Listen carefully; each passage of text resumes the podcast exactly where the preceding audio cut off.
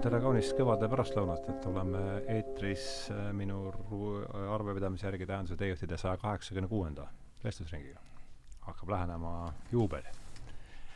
et äh, nagu ikka, stuudios kaks saatekülalist, tere tulemast, Peeter Koppel! tere! esimest korda! esimest Siin. korda! ja Kaarel Ots, oled sina neljandat korda täna, eks? tuleb nii välja, jah. Äh, Toomas Trapidoga, Armin Kõomäe ja Aleksander Eeriloo täpselt nii. Hakkan tüütavaks muutuma praegu. Äh, kaugelt, väga huvitav või tähendab väga ütleme, üks see viimane Aleksand-, ei, Armin Kõomäega, see on üks populaarsemaid, mingi nelja, mingi neli tuhat nelisada korda, see on meie mõõtkavas, kus me tegutseme, päris äh, arvestatav ikka sealt ülevalt poolt, jah. nii, aga äh, tänases äh,, ah, öelge enda kohta ka paar sõna niimoodi veel, et Armin on saa-, vabandust, Kaarel on saanud ennast siin tutvustada küll, aga aga, aga, aga öelge paar sõna enda kohta ja siis ma juhatan sisse saate teema. mina olen kuskil üheksakümne kaheksanda aasta teisest veebruarist olnud seotud finantsturgudega mis see siis aasta üheksakümmend? üheksakümmend kaheksa. kaheksa, jah ja.... pärast Vene, Vene kriisi nägid ära ja tulid pärast seda või? ma tulin just siis, kui see hakkas parajasti Aha. pihta. ehk Aa, siis see oli siis kusagil juuli-august, jah? Äh, ma tulin veebruaris, siis oli natukene kõrbelõhna tunda juba, natukene Aha. oli, tundus, et on halvusti. põhilaks oli august? ma sain põhilaksu ja siis, äh, mis on naljakas, on see, et iga kord, kui ma nagu töökohta olen vahetanud, siis on juhtunud midagi huvitavat, ehk siis äh, näiteks ükskord, kui ma läksin jällegi tööle sellisesse panka nagu Sampo, siis teisel tööpäeval oli juhuslikult äh, jah, oli juhuslikult üheteistkümnes september ja kui ma nüüd asusin sellele töökohale, kus ma praegu olen ära tulemas, äh, siis ma jõudsin natuke aega olla ja siis läks Lehman pankrotti. nii et äh, seal me olime ju koos, ma mäletan, eks olime küll, veidikene olime me me olime koos tegelikult enne seda, kui ma kaks tuhat kaheksa SEB-sse naasin. me olime kuskil kaks tuhat viis sellisel ajal jah. aga sa olid ära vahepeal? Ma töötasin väikeses Soome raudslaste poolt omatavas investeerimispangas nimega Suprema. täpselt nii, jah, nüüd tuleb mulle ka meelde see, okei. Okay.. aga Armin, Arminiga olid sa koos, Kaarel, ole hea. No ma olen, ähm, ma olen kaks aastat vähem äh, kui, kui Peeter olnud finantssektoris, et kahe tuhandendast ma olin Hansas, siis ma olin pikalt äh, Unikreditis. Ah, et Unikreditis, Unikreditis ma, me kogesime siis Lehmani kriisi, mille siis järeltõukena Unicredit äh, pani oma pillid kotti siin. no mitte päris kohe, aga kuskil kaks tuhat äh, Unicredit läks Lehmaniga ära, jah?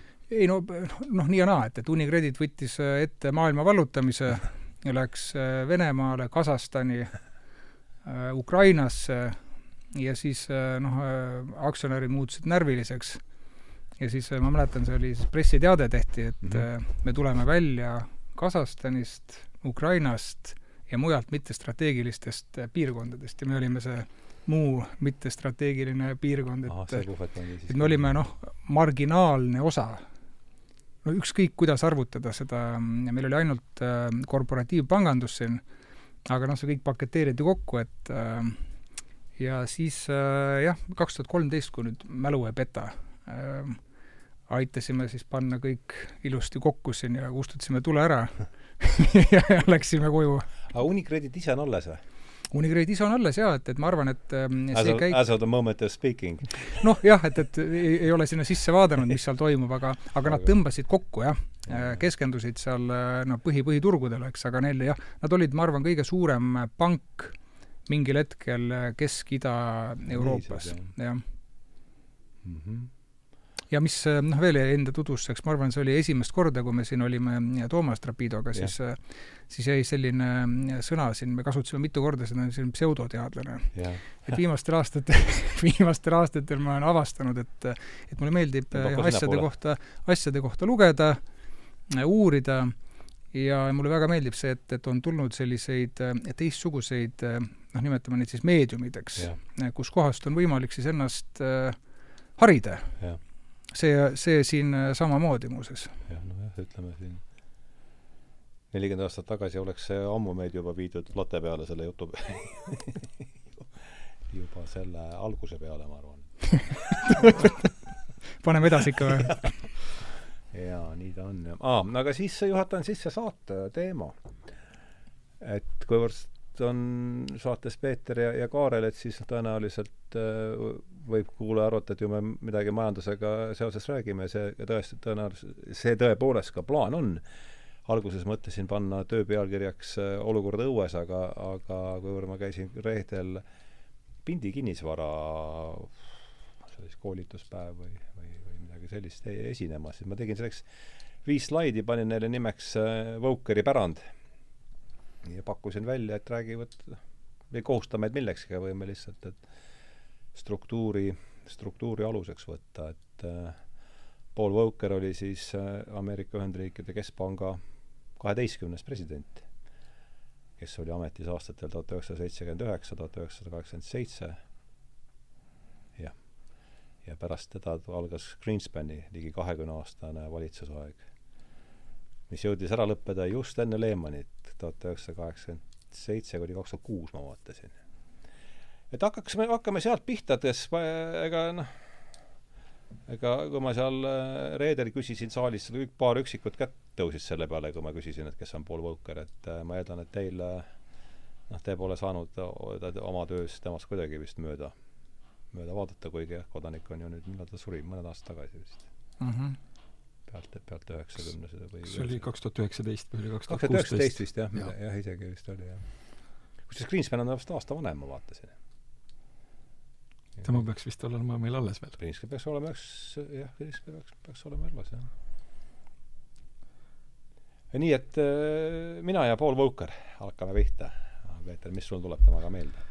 no minul tuleb meelde muidugi see, et äh, noh, nagu öeldud, et eks üheksakümmend kaheksa sai finantsturgudega alustatud ja see oli selline Greenspani ajastu ja Greenspani ja Greenspani ajastul ühel hetkel tekkis väga selgelt äh, nii-öelda joonistus taevasse, selline ilus äh, äh tulest moodustatud kiri nimega Greenspan Put ja Greenspan put tähendas põhimõtteliselt seda, et absoluutselt iga kord, kui kuskil oli mingisugune jama, mingisugune õnnetus, mis finantssektoriga nii-öelda seotud oli, siis keskpank võttis, sekkus mingisugusel viisil.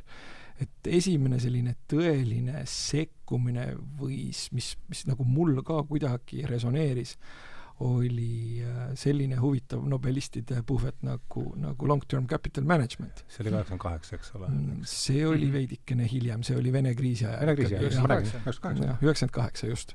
Äh, ja, ja, ja see Greenspan putt äh, paistis päris hästi tegelikult toimivat ja siis mul tekkis selline väikene huvi, et oot-oot-oot, et mismoodi nüüd äh, siis niimoodi on, et iga kord, kui kuskil juhtub mõni õnnetus, noh, ma saan aru, süsteemne kriis ja kõigil on valus ja kõigil on paha ja majandus kukub ja tööhõive kukub, et äh, aga tegelikult miks siis nagu neid äh, finantsturge peab nagu justkui välja päästma mm. -hmm. ja siis ma jõudsin sellise härrasmeheni nagu Paul Volcker, kes oli, no mis ta oli, kaks meetrit pikk ja suitsetas kogu aeg sigarit ja ja hakkasin suitsupilv oli üleval kogu aeg. suitsupilv oli kogu aeg üleval ja, ja, ja siis hakkasin vaatama, et noh, seitsmekümnendad tundusid jube huvitavad mm. -hmm. vaatasin ah, sealtkaudu läks sul siis teha? just, ja siis vaatasin, et, et noh, et aga et äkki, kui Keskpank kogu aeg aitab ja kogu aeg võib-olla intresse allapoole surub, et äkki see võiks kuidagi olla inflatsiooniline mm. -hmm no siis hakkasin vaatama seitsmekümnendaid, vaatasin, et ohoo, seitsmekümnendad olidki inflatsioonilised.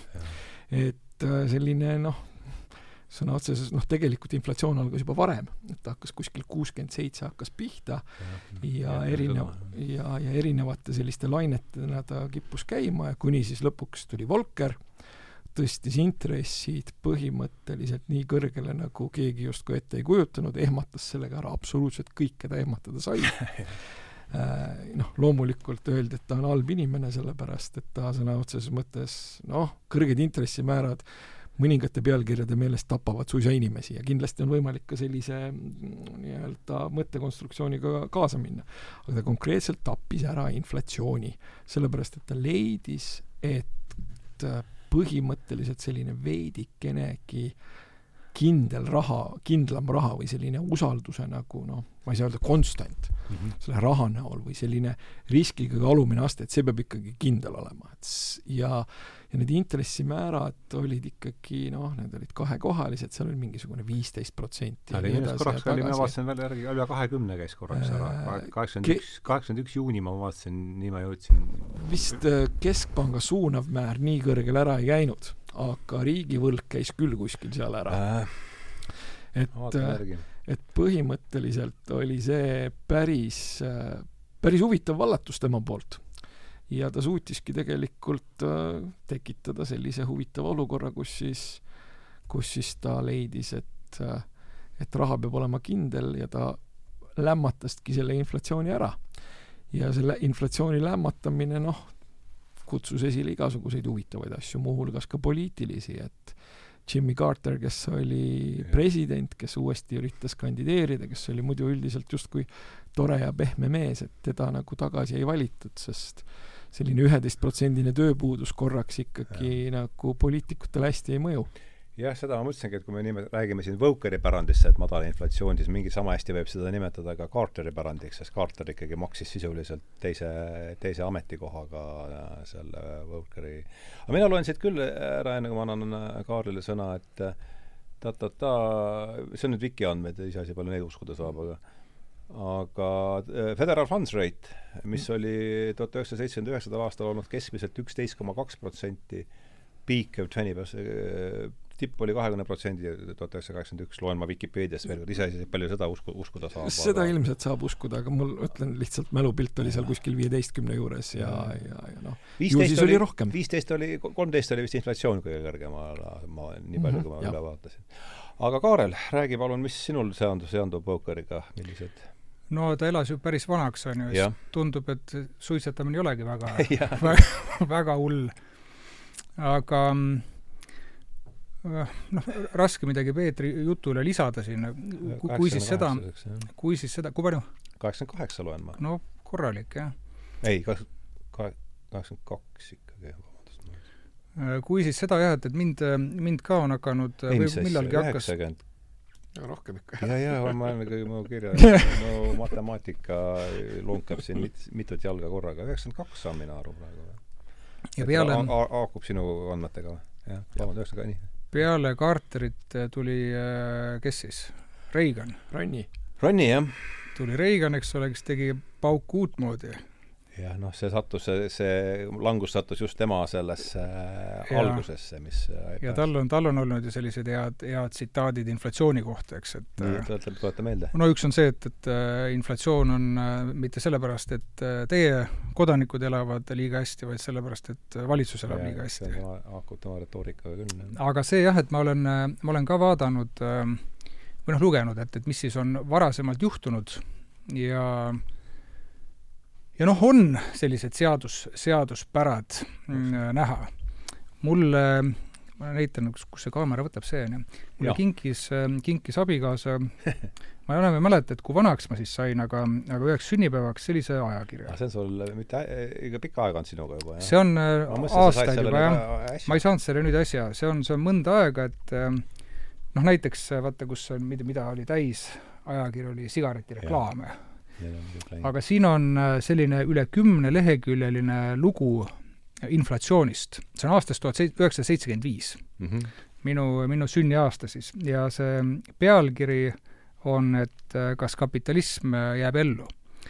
ja ma olen noh, ilma naljata mõelnud, et selle võiks ümber trükkida, ära tõlkida, kuskil avalikustada ja ei paneks seda kuupäeva et see on niivõrd äh, sarnased probleemid mm. -hmm. ütleme, mis eristub siin, on see, et äh, aasta on tuhat üheksasada seitsekümmend viis, eks inflatsioon möllab juba. jah, naftašokk on olnud just, eks ole. ja siin nad arutavad selle üle, et, äh, et kuidas selline asi üldse siis võimalik on, et, et tavaliselt ta ütleb, et kuuekümnendast mhm. seitsmekümne viiendani siis, kui see lugu kirjutati, oldi harjunud, et inflatsioon on buumi või sellise hea elu tulemus ja siis äh, recession või siis majanduslangus on, on vastupidi. ja mm -hmm. siin nad siis nüüd on kokku jooksnud. jaa, see on stagflatsioon esimest korda, jah. ja nad ütlevadki, et, et kuidas seda nimetada, et noh, näiteks stagflatsioon mm. -hmm. et see on selline esimene, esimene siis kuidagi noh, ma ei ütle avastus, aga, aga see, see on uudne, seitsmekümne viiendal aastal ja siis on selline noh, klassikaliselt Peetrile kindlasti meeldib siit lugeda, kuidas siis äh, sotsialistid äh, kommenteerisid seda, et see ongi kõik hea et tulebki äh, tulebki üle minna sellele ja, ja kuidas nad siis äh, analüüsivad ja siin on poejärjekordadest pildid äh, teistest riikidest, et kus siis on kommunism ja, ja sotsialism ja siis nad lõpuks leiavad ikkagi ettevaatlikult, et et ikkagi vist seda kapitalismi ei ole mõtet veel äh, maha matta mm. -hmm. Ja siis see Churchilli demokraatia tsitaati kasutavad selleks, et, et kõige hullem variant, aga teised on, teised on siis veel hullemad. -hmm. et see on, see on seitsekümmend viis siis. ja kui kerida nüüd noh, natukene tänapäeva lähemale, kui ma nüüd väga julge üldistuse teen, et siis mis on, mis on muutunud, kui ma nüüd puhtalt nagu pankade näitel, long-term capital management käis meil läbi siin, see on üheksakümne kaheksandast. Lehman käis läbi kaks tuhat kaheksa. Mhm. Noh, praegu noh, ka midagi juhtub ja. Äh, pankadega, eks. et äh, minu meelest on iga, iga kriisi puhul see, see, ütleme, me, me liigume siis ikkagi sellise noh, sotsialistlikuma, sotsialistlikuma lähenemise poole mm. -hmm. et ähm, noh, lähme korraks, korraks ajas veel ta-, rohkem tagasi, oli tuhat üheksasada kolmkümmend kolm. Roosevelt, Roosevelt tegi ju niimoodi, et ta pani pangad kõik kinni. kui mälu ei peta, oli kas kolm päeva või? ja, ja, ja et mis oli, et probleem oli ju sama, mida me praegu näeme, eks, et kardeti pangajooksu, inimesed tahtsid kõik oma rahad välja võtta pangast mm, -hmm. pankadest mm. -hmm. ja siis selle kolmekümne kuue tunniga tehti siis noh, due diligence või audit, et millised pangad on äh, tugevad, need tehti uuesti lahti. ja sellega taastati tegelikult äh, usaldus mm. -hmm. mingisugust sellist riiklikku see oli kolmkümmend kolm või? tuhat üheksasada kolmkümmend kolm Mhm. Äh, mingisugust sellist riiklikku päästeplaani polnud tegelikult. noh, nagu me täna oleme harjunud nägema. Isegi see long-term capital management ei olnud ju selline puhas rahatrükk, eks, et äh, valitsus või oli Fed, keskpank siis, pani ju kokku või õigemini sundis siis ja. kuidagi teisi panku äh, see asi üle võtma mm. -hmm.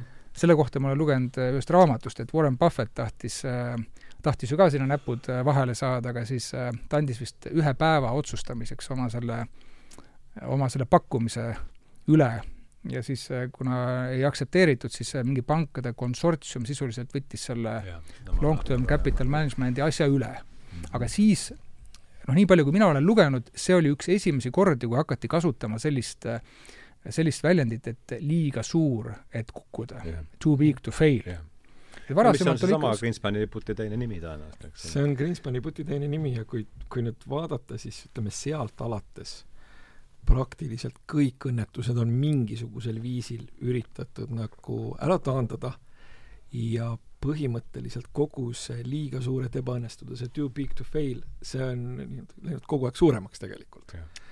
ja see siis tähendab seda, et ka praeguses olukorras, kus äh, esiteks on, eks ole, tehtud ju süsteemselt olulised pangad defineeriti ära juba kenasti kahe tuhande üheksanda aasta kevadel. Et süsteemselt olulisel pangal ei saa lasta mitte kuidagi feilata. Credit Suisse oli tõenäoliselt süsteemselt oluline pank. ta oli süsteemselt oluline pank mm. -hmm. ja ei, ei saa lasta nii-öelda allavett minna, ei saa lasta, et äh, depositorid midagi kaotaks, ei saa lasta tekitada olukorda, et äh, võlakirjaomanikud midagi kaotaks ja see on siis noh, kuidas nüüd öelda, et süsteemi püsti hoidmine sõltub sellest, et sa kogu aeg seda moraaliriski tegelikult peale keerad mm. -hmm. sellepärast, et kui keegi kogu aeg tuleb, aitab välja ja alati tuleb ja, ja terve põlvkond spetsialiste ja pintsaklipslastest sotsiopaate on üles kasvanud teadmisega, et äh, alati keegi tuleb, äh, aitab välja, alati tuleb keskpank, alati tuleb riik, alati aitab välja. no ja, ja mida sa siis sellises situatsioonis teed, sa keerad riskid lakke, äh, võtad boonust ja kõige hullem, mis sinuga juhtuda saab, on see, et sa saad, saad, saad kinga ühel hetkel. Äh, juhuslikult, kui sinu töökoht ei säili, kui seda jälle välja päästetakse. aga probleem on selles, et see läinud on no, nii-öelda kogu aeg suuremaks läinud. ja ka Volkeri puhul võib öelda, et noh, mingisugusel moel sarnane protsess oli toiminud äh, võib-olla seitsmekümnendatel, aga tema lõpetas selle tsirkuse nagu väga kiiresti ära. aga praegu on probleem selles, et mitte kellelgi ei ole julgust seda tsirkust enam ära lõpetada mm. -hmm. ja seda julgust ma ei näe ka mitte kuskilt tulevat.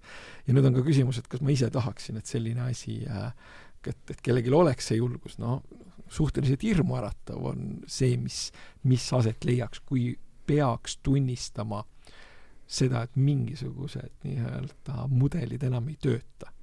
et see oleks ühiskondlikult natukene noh, ühesõnaga, ma ei suudaks ette kujutada seda segadust, mis järgneks, kui tänasel päeval intressid keerataks päriselt sinna, et inflatsiooniga toime tulla mm. -hmm, just täpselt, see oli minu argument selles reedes asjas, et et ma olen, ma mäletan Vokeri ühte intervjuud ja ma täpselt, täpsed numbrid ei mäleta, aga aga suurusjärgud olid vist umbes sellised, et vaata see Pew, Pew Institute, mis korraldab neid äh, avalikke arvamuse küsitlusi, on seda pikalt teinud ja et on üks küsimus, et kas sa usud, et valitsus teeb enamik asju enamikul ajal õigesti? Ja Võkker ütles, see on mul enam, ma ei ole kindel päris nendes numbrites, aga ma arvan, et see oli umbes niimoodi, et kui tema läks veel tööle siis, kui riigisektorisse, kui Kennedy oli ametis, et siis vastas sellele küsimusele jaatavalt mingi kuuskümmend protsenti ameeriklastest ja siis, kui see intervjuu oli, no see oli ilmselt, ma arvan, kusagil kaks tuhat kaheksa võib-olla, et siis oli see langenud kuueteistkümne protsendini.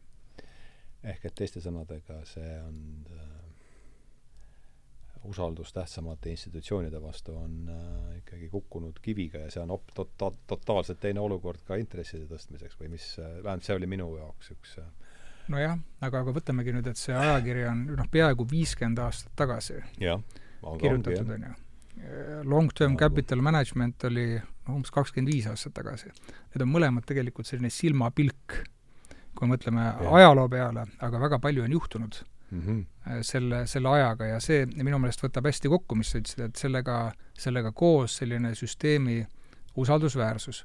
ja noh, raske on Peetrile vastu vaielda, et äh, ma ka ei tahaks võib-olla, et, et nüüd üleöö keegi ütleb, et me keerame tagasi, et, et meil, me, me nüüd ikkagi laseme need pangad pankrotti mm. -hmm. aga samas, eks ole, tekib küsimus, et aga kas, kas ta nüüd siis paisubki noh, lõpmatuseni edasi niimoodi või? et Credit Suisse'ist ei olnud siis veel kirjutatud, kui oli see Silicon Valley pank ja siis oli see Signature pank ja siis ma mõtlesin küll, et sa räägid nüüd sellest viimastest episoodist? no ma mõtlen nüüd viimastest yeah. jah, et, et ma mõtlesin küll, et, et kas noh, neid ju ikka ei hakata sinna rahatrükiga päästma või mulle tundub, et ju ikkagi trükiti või? Sinna noh, ja need deposiitoritele. aga maksudes ei suuda, suuda keegi kokku leppida selles olukorras, kus me praegu oleme mm., ma arvan, et see on see ei suuda kokku leppida ja seda päris trükkimist kui sellist veel ei ole olnud. keskpanga bilansimaht on küll tõusnud mm., aga ütleme nii, et ta, ta prääksub nagu part, aga ta veel päris ei uju ja välja ka ei näe nagu part. mis asi see oli, mis, millest see kaks triljonit äh Äh, nad avasid põhimõtteliselt äh, see on ikka viimased uudised, jah? me neid ei ole jälginud niimoodi. Nad avasid äh, swap'i liinid ja tegid sellise nii-öelda lühiajalise, just noh, jutumärkides lühi, lühiajalise erakorralise likviidsuse võimaldamise. just nimelt mm -hmm. äh, dollari likviidsuse kontekstis, sellepärast et noh, dollar on ikkagi päris raha ja kõik ülejäänud kipuvad rahvatantsijad olema ja, ja selles oli asi. Ja põhimõtteliselt noh, kõik väikepangad tormasid kenasti lühiajalist likviidsust võtma, sellepärast et teatavasti pankadel kipub ikkagi olema nii, et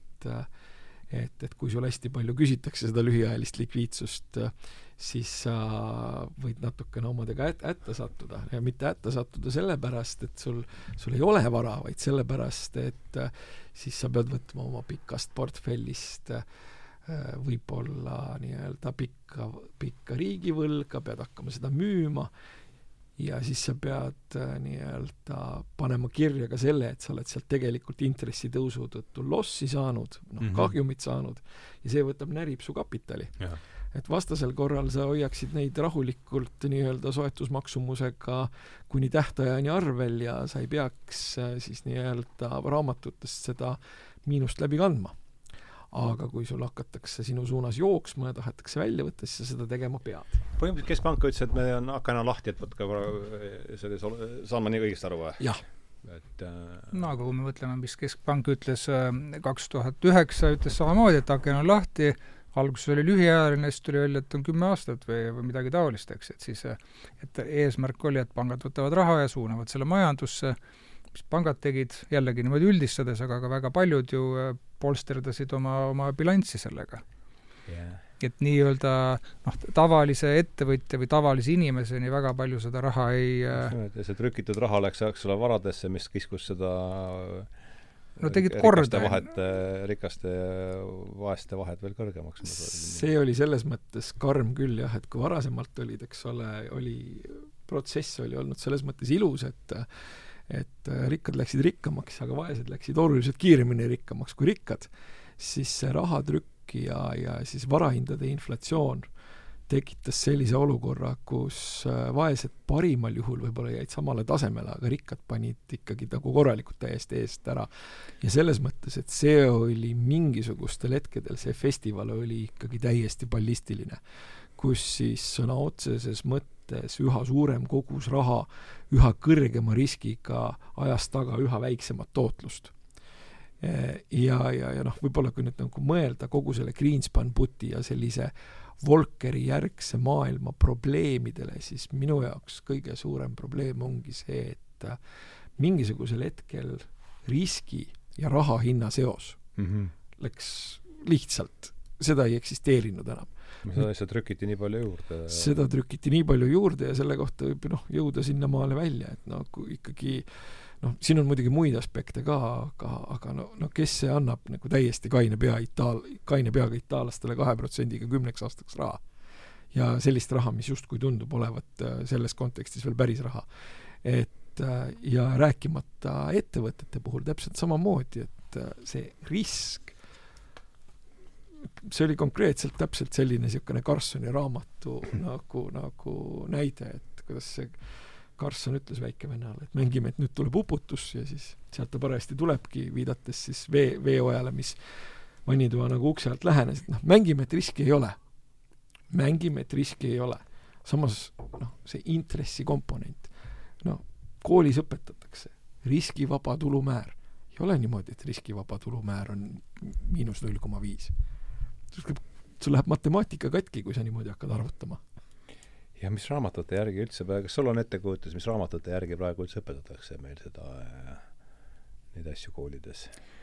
mingid sellised distsipliinid nagu makro ennast on ikkagi alles? ma, ma ei, ma ei tea, ausalt, ma arvan, et ikka, ikka nende vanade raamatute järgi, ma ei mäleta, mitu aastat tagasi no mitu inimest on öelnud seda, et äh, ilmselt tuleb need makromajandusõpikud ümber kirjutada või vähemalt tuleb sinna lisada see peatükk et mismoodi oli kahe tuhande, no üheksandast kuni äh, kahe tuhande, ma ei tea, mis kakskümmend üks või mm.?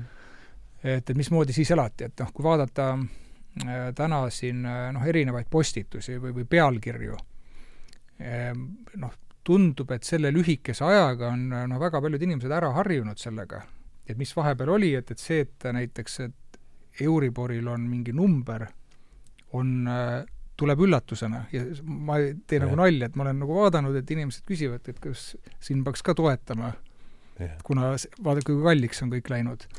ja noh, teine, teine pool, suurem pool on see, et äh, ma kujutan ette, et kui ma oleksin selline noor inimene, kes alustaski ettevõtlusega näiteks kaks tuhat äh, noh, ütleme kümme, üksteist, võib-olla isegi hiljem, äh, neliteist, viisteist, siis mul oligi võib-olla selline, ma olen noor inimene. Yeah tegin startup'i, mul ja. oligi, võib-olla oligi nüüd äh, aasta aega tagasi veel õigustatud ootus, et, et ma saan raha yeah. Intress, nagu niimoodi. intressikeskkond on selline? ainu, ainu, ainu, ainus tuntud keskkond? ma arvan, et jah, mitte isegi intressi peale ei mõeldud, aga just selle kapitali kaasamise peale, et yeah. kapitali kaasamine, nagu Peeter ütles, eks ole, selle tõttu, et oldi sunnitud võtma suuremat riski mm -hmm. fondide poolt, investorite poolt, siis kapitali kaasamine oli väga lihtne see ei olnud nii lihtne enne kahe tuhande kaheksandat ja nüüd on jällegi, pealkirjad on need valdavalt, et kapitali kaasamine alustavatel ettevõtetel muutub keerulisemaks. ja siin noh, loomulikult võib olla ju neid põhjuseid veel, aga peamine põhjus on ju see, et, et rahale tekkis hind, nagu sa ütlesid, riski või risk-free. ja, ja auka on vaja hakata lappima seal. jah, ja, ja, ja tegelikult on see ju imelihtne, et kõik, kes on õppinud äh,, siis äh, noh, ma ei tea, natukenegi majandust, kus õpetatakse, kuidas diskonteeritakse rahavooge, teavad, kuidas seda diskontomäära leitakse. et seal on erinev, erinevad komponendid, mis sa pead sinna valemisse panema mm -hmm. ja siis sa diskonteerid mm -hmm. selle protsendiga, mida sa siis välja arvutad, mis on ka väga selline noh, mõnikord loominguline, siis sa diskonteerid tuleviku rahavooge tänasesse päeva mm. -hmm. nii, aga mis sul on vaja selleks, et diskonteerida rahavoogu? Rahavoogu on vaja. aga, aga, aga mis iseloomustas väga paljusid ettevõtteid, oli see, et, et rahavoogu pole. eks, et sa ei suuda isegi sellist positiivset rahavoogu näidata viie aasta peale. et see, see maailm oli väga segane minu meelest, miks ma ütlen oli, et ma arvan, see sellisel kujul tagasi ei tule. et äh, aga, aga ma arvan jällegi, et äh, võib-olla ootuspäraselt sellele, kes seda raha peab kaasama, kindlasti mitte ootuspäraselt, see tuli väga kiiresti kõik. et äh, kuidagi see, see rahastamismudel kukkus nagu selja peale. et kõik, mis oli olnud noh, peaaegu kümme aastat selline lihtne äri, et ma kasvan, põhiline on kasv, kedagi ei huvita see, et, et kas ma jõuan kasumisse, kui ma jõuan, on eriti hästi veel, et see kõik kuidagi äh, muutus just nagu üleöö. Ja, ja ma arvan, et sellega kohaneda on väga keeruline. ja sellepärast ma olin nagu eriti äh, noh, üllatunud võib-olla, kui ma lugesin selle Silicon Valley panga kohta mm. -hmm. et kui kiiresti äh, see otsus ära tehti ja kui kiiresti siis äh, kõik need rahahoiustajad tegelikult siis ja. sealt välja tõmmati. see nagu tundub esimene niisugune käegakatsutav intressitõusu tagajärg või? no või selline suuremat suurema, sorti jah et ma, ma ütlen, et, et ma ei ole panganduses nüüd olnud äh, päris mitu aastat, et äh, ma, ma ei, üldse ei teadnud, et see Silicon Valley pank on nii suur ja just nende deposiitide arvelt siis, aga see, ma saan aru, ongi kõik selle, sellesama sellise startup'i kiire arenguga juhtunud. Yeah et ta oli selline eelistatud pank ja peaasjalikult siis nendele VC fondidele, äh, kes siis soovitasid nendele alustavatel Silicon Valley ettevõtetel raha seal hoiustada. et ma ühtepidi saan nagu aru sellest, et äh, noh, et kuidas sa tõmbad nagu vaiba ära, ma ei mäleta, palju seal, mitu, paarsada miljardit või sada viiskümmend miljardit. et noh, sa, sa paned, eks ole, ettevõtted väga raskesse olukorda. aga noh, mõtleme nüüd teistpidi, et äh, munad ühes korvis tundub mulle. et äh, mis, mis takistas hajutada natukenegi neid riske. Et kui sa nüüd neid hakkad jälle üksteise otsa laduma, et äh, minu meelest oligi paar päeva peale selle Silicon Valley äh, avalikuks tulekut öeldi, et äh, et sisuliselt äh, Ameerika äh, keskpank tagab kõiki äh,, kõiki deposiite, mis ei ole kindlustatud. oli niimoodi või? oli küll, aga sellega tuli see signaal minu meelest selline väga õudne juba, et, et kuskohast kõik siis äh, et okei okay,, ma saan aru, et sul on vaja selline positiivsust süstida ja, ja kind-, kindlust, aga aga see tundub selline noh, lõhnab nagu tuleviku rahatrükk jälle. just nimelt, et tundub, et see, see kat-, mina loen seda niimoodi ja parandage, kuidas teie taju on, et et see katse nüüd inflatsiooni pidurdada on ju jõudnud ju ka, millal seda, millal seda, millal ta hakkas tõstma üldse? Eelmisel aastal kuskil esimeses kvartalis, sest ma mäletan, et seda eel... pole aasta on enam-vähem seda tehtud, eks, ja nüüd on aasta, sisuliselt jah. juba ikkagi ja nüüd on siis küsimus, mis edasi saab, eks?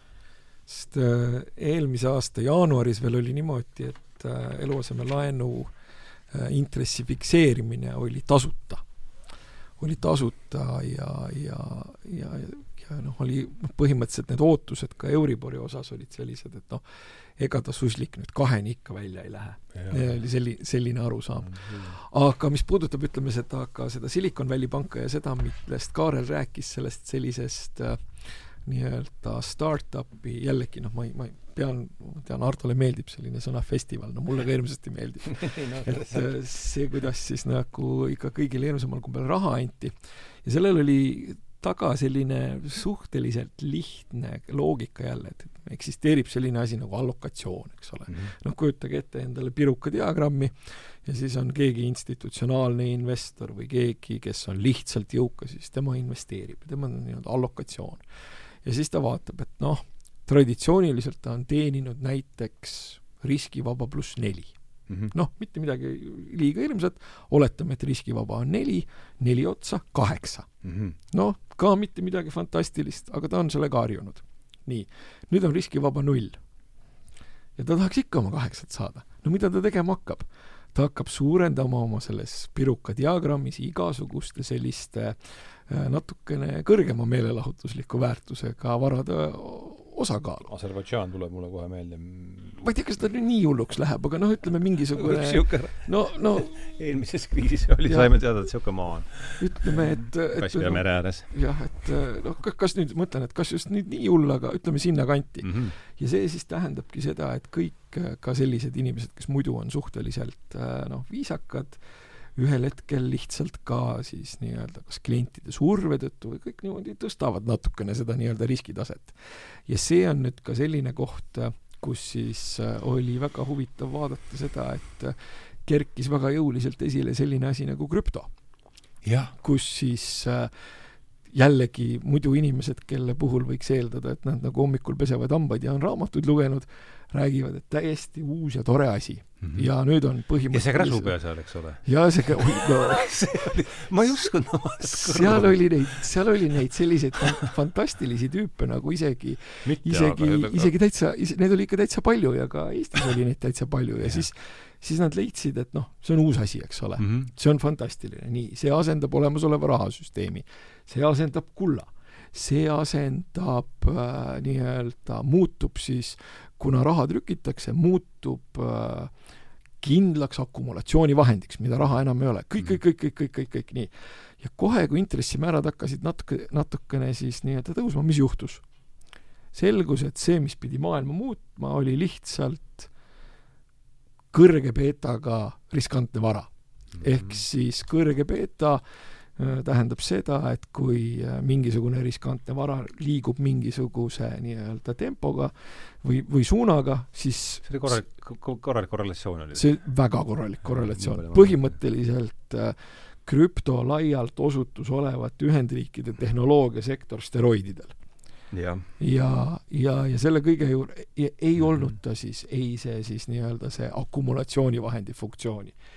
Ja mis veel oli siis huvitav ja ei olnud ta ka mitte kuskilt otsast nagu inflatsioonivastane nii-öelda riski maandav instrument, lihtsalt järjekordne kõrge beetaga riskantne vara mm. -hmm ja, ja kusjuures see oli veel eriti naljakas, ehk siis ühel hetkel jällegi noh, nii-öelda viisakad inimesed hakkasid siis ka, ka ja ka institutsionaalsed investorid hakkasid siis rääkima, et tegelikult seda võiks ka olla.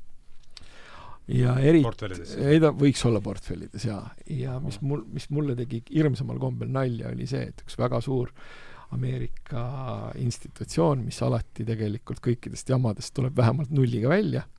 Et noh, kuidas öelda, et äh, Goldman Sachs äh, võtab alati teeb plussi, on ju, ja siis kaks tükki, mis teevad nulli, on ju, ja siis vähemalt noh, ja Credit Suisse oli see, kes alati saab mingisuguse laksu kirja, see on sisuliselt reegel, aga see ütles, et ütles noh, ütleme üks nendest, kes nulliga välja tuleb. JP Morgan oli see või? no ma ei ütle seda, kas see oli no ütleme üks kahest, kas see võis olla kas Morgan Stanley või JP Morgan, ütles oma klientidele, et sellistele jõukatele, et kaks protsenti võiks olla teie sellest portfellist mm, -hmm. võiks olla krüpto. ja see on selles mõttes hästi lõbus signaal.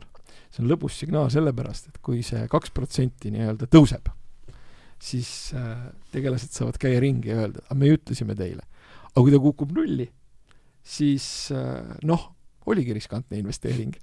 ehk siis äh, see oli täiesti hullumeelne ja ballistiline, mis toimus tasuta raha kontekstis ja sellega läksid kaasa ka sellised tegelased, kellel võib-olla oli seda kogemust natuke rohkem ja kes oleksid pea, pidanud teadma paremini palju te, ma tõesti, no ma vaatan uudiseid suhteliselt vähe, aga, aga kui see tuli, see, mis ta oli, see Sam, Sam Bank, Bankman-Fried, jah.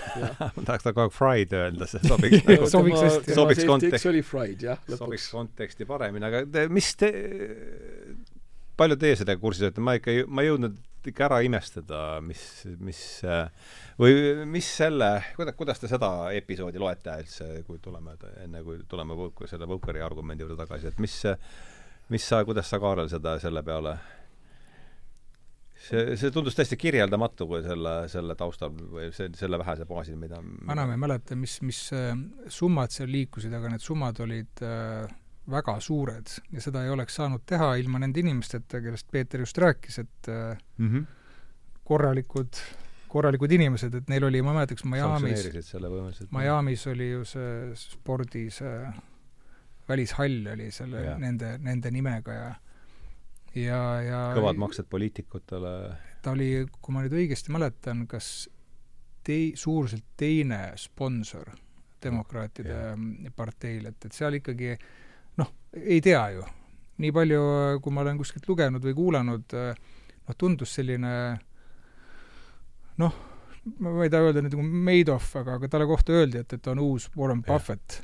Eepiliste mõõtmetega korruptsioon oli vähemasti Korrupt- selle, selle, mis mina sain kui- ja raha, raha kantimine, eks, ma ei mäleta, kas Alameda või mis oli see, Alameda, jah. sinna siis kanditi raha ja noh, miljardites ikkagi, ise, ise siis passisid seal äh, Bahama katusekorteris ja tarvitasid amfetamiini suurtes kogustes, et äh, noh, mis sa sealt ootad?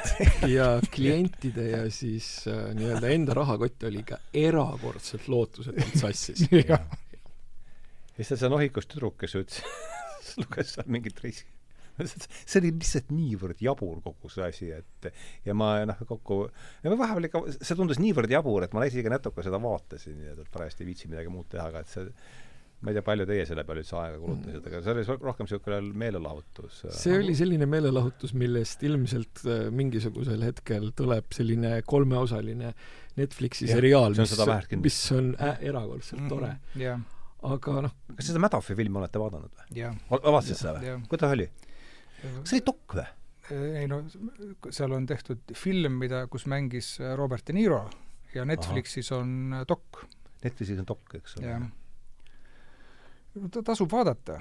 see on ka selline, selline asi ju, et äh, et ma, ma kujutan ette, et kui sa selle sees oled kuidagi näppupidi, et võib-olla ongi väga keeruline aru saada sellest ja ma arvan sellest krüpto Sam Bankmani asjast samamoodi, Ja, et, ja, et kõik tundub, et on äge, noh, et äh, paned äh,, no tema muidugi käis lühkarites vist igal pool, ma ei tea, jah, ta istus seal Blairi ja Clintoni vahel.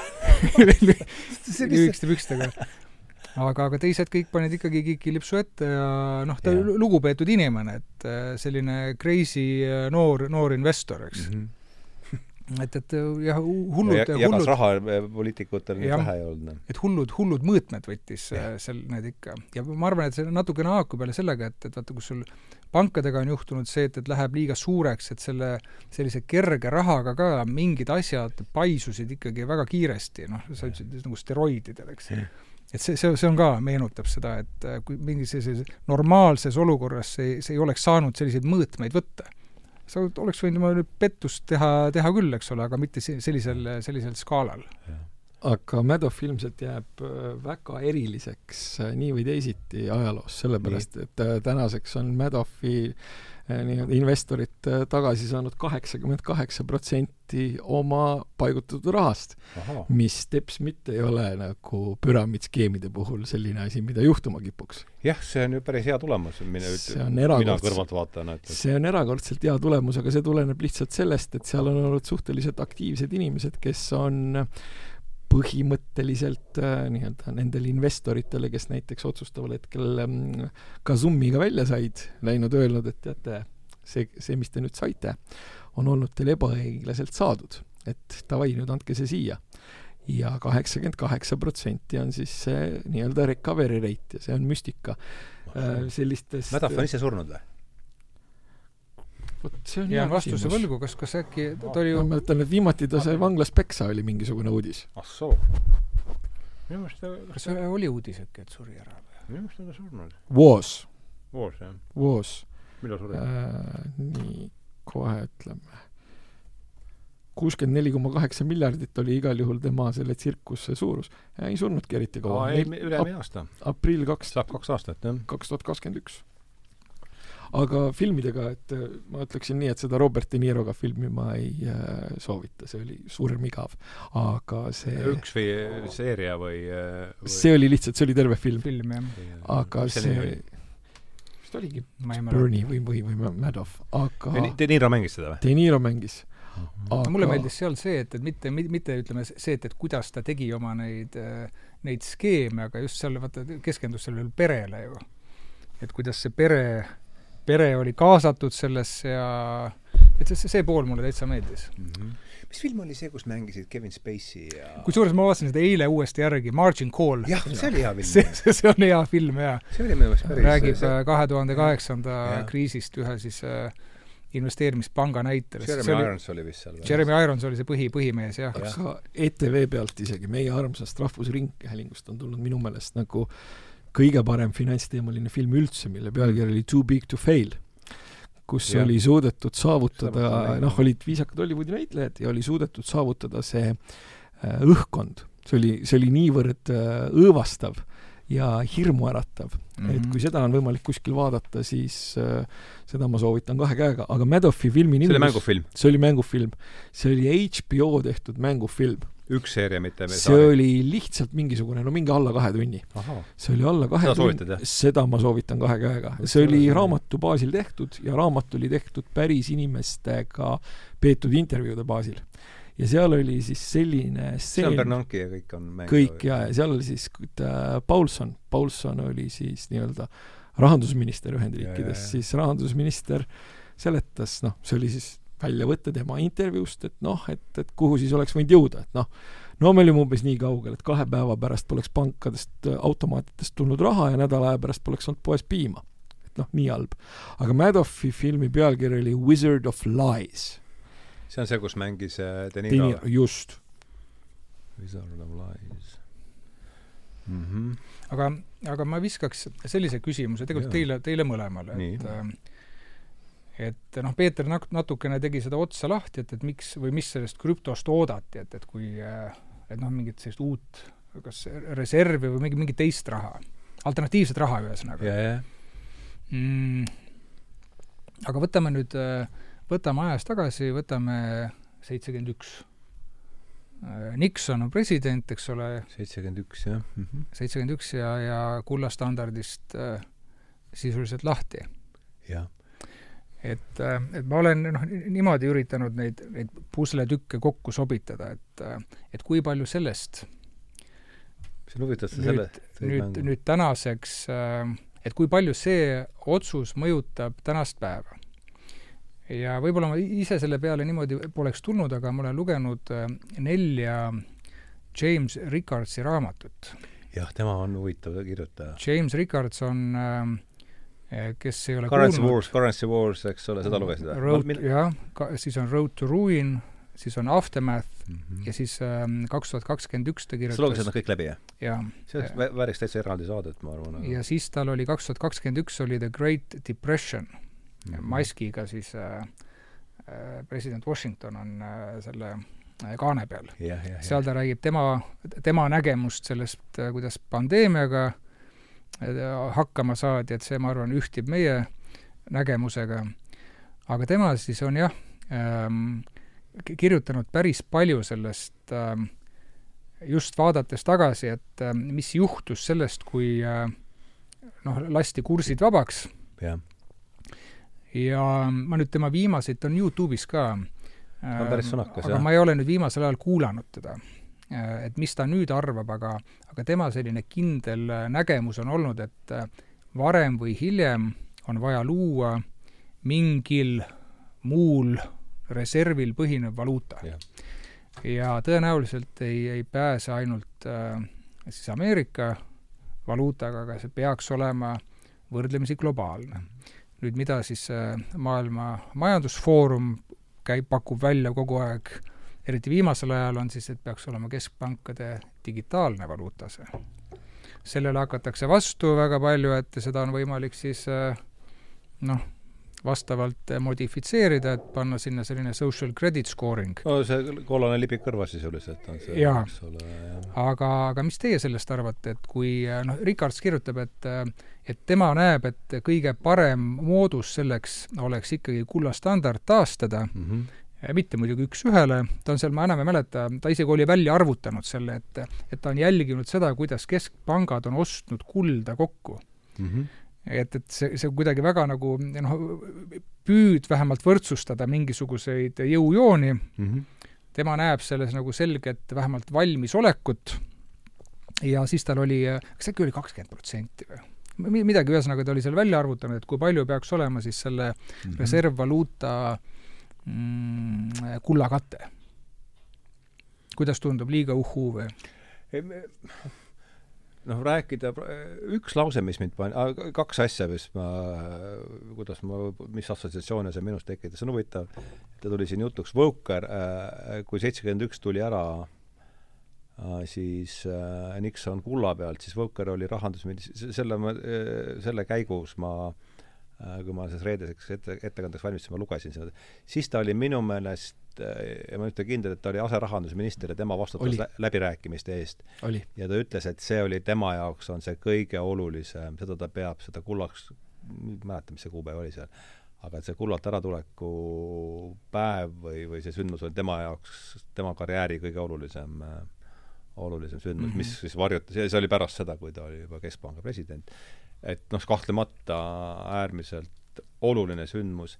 ja teine lause, mis mul kuidagi sellega haakus, oli, et noh, et praegu rääkida kullastandardi tagasitulekust, noh, tundub tõesti, et noh, täiesti jabur jutt, eks, aga keegi ütles, et aga me võime sattuda olukorda, kus noh, lihtsalt ei ole enam mingeid äh, äh, muid teid lihtsalt ja, ja eks me selles suunas oleme, ma tulen pärast äh,, anname Peetrile veel, võtame Peetrile, et siis ma tahaks tulla selle mm, ühe graafiku, ühte, ühte graafikut kõneleda, mida ma siin hoidsin äh,, mis viitab justkui sinna, selles suunas, et et tõepoolest võib olla, võib tekkida olukord, kus lihtsalt ei jää midagi muud üle, kui see kui see äh, ebastabiilsus on lihtsalt niivõrd suur, et tuleb hakata asja ehitama mingist pea, pea, pea nullist üles, et aga räägi, Peeter, mis sina, et ma ei jääks siia pikalt kaagutama. ei, ma mõtlesin selles mõttes, et, et äh, ma nii-öelda tulen selle mõttega, et ei jää muud üle mingisugusel moel kaasa küll, sellepärast et äh, kui me nüüd mõtleme, et kuidas sellised nii-öelda protsessid ajalooliselt on käinud. Nad ajalooliselt on käinud, et süsteemis on, eks ole, liiga palju võlga, siis tuleb äh, nii-öelda inflatsioon, siis üritatakse seda nii-öelda manageerida kuidagi viisakalt, aga siis ühel hetkel ühel hetkel see rahaühik, millest see võlg on võetud, on, osutub problemaatiliseks. nii. Ja võib-olla tuleb teha noh, rahareform ja nüüd ongi küsimus, et kui nüüd oletame, teoreetiliselt, kunagi tehakse nii-öelda rahareformi arenenud maailmas, siis äh, mismoodi siis äh, need Äh, kes seda teevad, suudavad seda usaldusväärsust taastada. mida nad peavad just nimelt, kust võtta ankur mida olema. nad peavad ütlema, et nii, poisid, et me oleme nüüd põhimõtteliselt seesama seltskond, on ju, kes lasi selle asja all, alla vett, aga et nüüd me teeme teile uue sellise nagu hästi toreda ühiku, on ju, kus me lubame, et me ühtegi neist jamast, mille pärast see asi alla vett läks ja te kõik nagu kannatate kohutaval maal kombel, et me nüüd lubame, et me neid asju ei tee ja siis läheb, tee-, tehakse, eks ole, ära ja siis läheb mõnda aega ja läheb nagu pidu uuesti edasi, et et ma nagu noh, kuhugi külge tuleb see ankurdada. ma ei usu sellisesse kontseptsiooni nagu sound money tänases äh, keskkonnas. Äh, ma olen suhteliselt veendunud, et selline tagatis nagu noh, kulla tagatisel, et see on olemuselt deflatsiooniline ja seda nagu keegi ei taha. Aga mingi ankur peaks olema, kuidas seesama seltskond saab öelda, et vaat seda uut ühingut nüüd davai, peate usaldama hakkama? Tuleb meelde üks Economisti kaanepilt aastaid-aastaid tagasi, Schröder oli veel pea, peamine või see kantsler siis, pilt, kus ta lihtsalt kõige säravama naeratusega käed laiali ja ülevale kirjutab Would you buy a used car from Mr Schröder see on minu meelest no täpselt, see on see, täpselt see koht, et aga aga see steroidide teema oli äh, siin üleval äh, ja üks, ma tegin siis äh, viis slaidi selle kohta ja mm -hmm ja siin kaamerasse ma juba näitasin, et mm -hmm. et noh, minu järeldus on siin küll see, et, et kaks tuhat kakskümmend oli nagu kaks tuhat kaheksa steroididel ja nüüd täida kolm kolm, kolm punkti täida lünk on, saab olema kaks tuhat kakskümmend steroididel, kui me vaatame inflatsiooni, eks, ja eelkõige muidugi eelarvet, see on mul siis, on ta siin praegu konstantsed dollarid, mitte, mitte suhtena SKT-sse, nagu seda tavaliselt esitatakse mm. -hmm. aga et, et noh, lõpp, kokkuvõttes ikkagi viivad ju probleemid meid eelarveni. ja, ja mis noh, sa, Peeter, oled pidanud siin veel kuni viimase ajani igasugu, ma mäletan, sul oli täita igasuguseid neid äh, tabeleid. ja minu meelest oli ju, see oli küll panga poole peal, aga eelarve defitsiit oli minu meelest, et mis, mis olukordas meil, veel kord, mina, ma ei jälgi eriti peale, see on nüüd see graafik, mille ma üle tüki aja tegin ja see on päris silmi avav et mis, räägi, anna väike ülevaade, sa oled tõenäoliselt kõige rohkem pidanud kokku puutuma seda, et mis olukord on meil siin ülemaailmne praegu eela-, eelarvetega, et see tundub olevat äh... sellega on äh, selline huvitav lugu, et kõigepealt äh, oli meil ju pandeemia ja see mm -hmm. tähendas seda, et äh, kuigi nii-öelda võlakoorem oli paljudel riikidel problemaatiline, siis öeldi, et nii, see on erakorraline olukord nüüd me siis põhimõtteliselt peame nagu rahulikult laskma eelarve defitsiitidel kasvada, sellepärast et me peame pandeemia üle elama mm. -hmm. nii, nüüd järgmine asi, mis tuli peale, oli Ukraina sõda mm, -hmm. kus siis jälle on suhteliselt suur arv äh, riike, kes mingisugusel moel tunnevad ennast äh, Venemaa kontekstis ohustatuna, ütlesid, et nii, nüüd on selline lugu, et nüüd me kas peame hakkama näit-, näiteks seda NATO kahe protsendi nõuet päriselt täitma, mitte siis rääkima seal igasugu ümmargust juttu, et kuidas me õpetame, õpetame inimesi ja see on ka kaitsekulutus ja nii edasi, nii edasi mm. -hmm. et see siis põhimõtteliselt äh, kasvatab äh, eelarve defitsiite. ehk siis suhteliselt selgelt on äh, need kaks signaali olnud sellised, et eelarve defitsiite no võib ju justkui kasvatada mm. -hmm. nii, siis mis veel on võib-olla ka juhtunud, on see, et mis on huvitav, eks ole, siis tuli ju see inflatsioon nii inflatsioonimäärad on jällegi, nüüd meil on veel probleem, inflatsioonimäärad. no mis me teeme? me suurendame veelgi eelarve defitsiiti, et inimestele seda ko-, nii-öelda ka kompenseerida. ja seda siis nii-öelda ringmehhanismi seal, et see, kui sa inimestele kons-, äh, kompenseerid, iseenesest on äh, väga inimlik ja väga tore ja väga ilus. aga mulle tundub, et äh, need, kes nagu need mõtted välja käisid ja seda teostama asusid, need nagu ei mõelnud seda, et see omakorda tegelikult tõukab inflatsiooni päris kenasti tagant ehk siis no võib-olla ka mõtlesid, aga jälle, et mis sa teed. jah, no täpselt, et noh, võib-olla, tead, ma ei ole isegi kindel, et nagu, nagu mõtlesid. et äh, need, ütleme, kaks ja pool või kolm asja on tegelikult tekitanud olukorra, kus selline liberaalne suhtumine eelarvedistsipliini on äh, noh, ütleme valdav.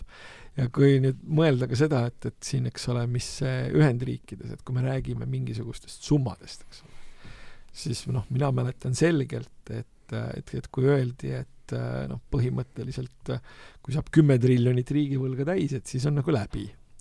no ei olnudki tegelikult midagi läbi.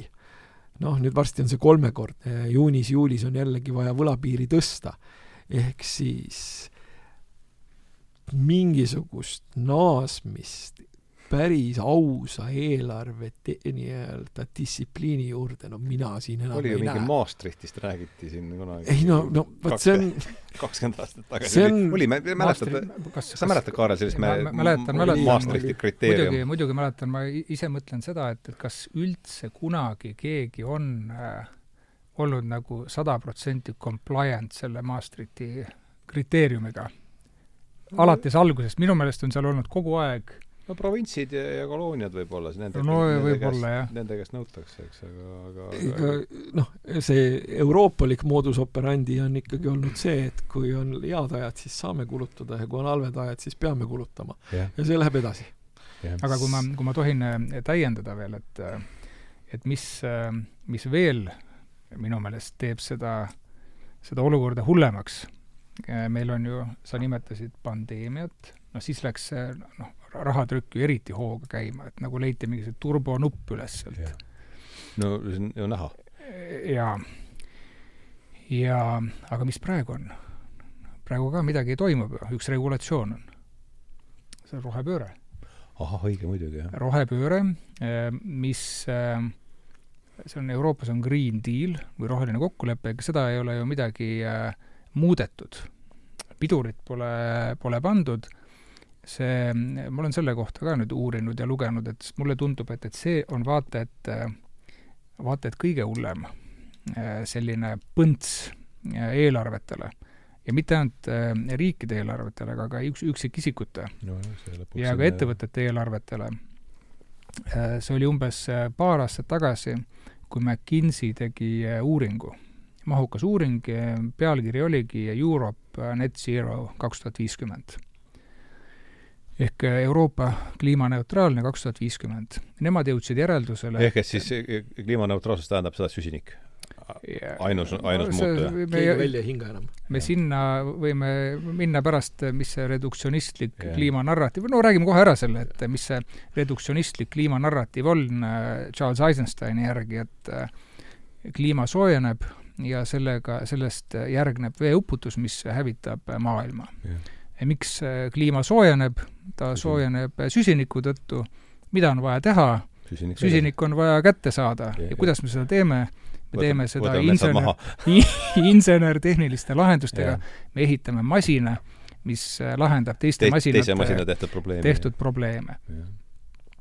et äh, sellest uuringust äh, äh, mul jäi meelde, no ütleme, veel jäi meelde, aga mul jäi see rahanumber meelde. see oli kakskümmend kaheksa triljonit eurot. Kaks tuhat viiskümmend on vähem kui kolmekümne aasta pärast, see teeb siis triljon aastas. see oli, uuring on kas kaks tuhat üheksateist lõpp või kaks tuhat kakskümmend, ma ei mäleta enam. me võime sinna noh, julgelt juurde panna sellele kahekümne kaheksale triljonile Äh, Ameerikas, ähm, ma ei ole seda uuringut lugenud, aga kuuldavasti on see umbes viiskümmend triljonit mm. -hmm. et sul on kahe, noh siis kontinendi peal on kaheksakümmend triljonit raha vaja investeerida ähm, nende eesmärkide, mida on ise endale seotud, seatud äh, nende saavutamiseks. Ähm, miks ma olen noh, irooniline natukene sellega, on see, et et ma ei ole tegelikult näinud ühtegi sellist mõõdikut, et kuidas oleks võimalik track ida seda või jälgida seda teekonda, kuidas me sinna liigume, kuidas me saame teada, et näiteks aastaks kaks tuhat kolmkümmend või kolmkümmend viis, kui meil peab olema, Eestis näiteks on, peaks olema kogu elekter siis äh, taastuvenergiast ja Euroopas keelatakse ära siis fossiilkütusel äh, põhinevad autod, et, et kui, mis me peaksime olema saavutanud siis selleks ajaks? Et kuidas me saame öelda, et me liigume üldse õiges tempos, mis siis juhtub, kui aasta kaks tuhat viiskümmend on käes ja me ei ole saavutanud seda, mida mida me planeerime, et mis siis saab? lihtsalt mulle tundub, et need, need rahanumbrid, need on nii hoomamatult suuremad kui see, mis äh, tehti nüüd kahe aastaga Covidiga. see kahe aasta Covidiga, see tundus lihtsalt indiviidina väga noh, räige.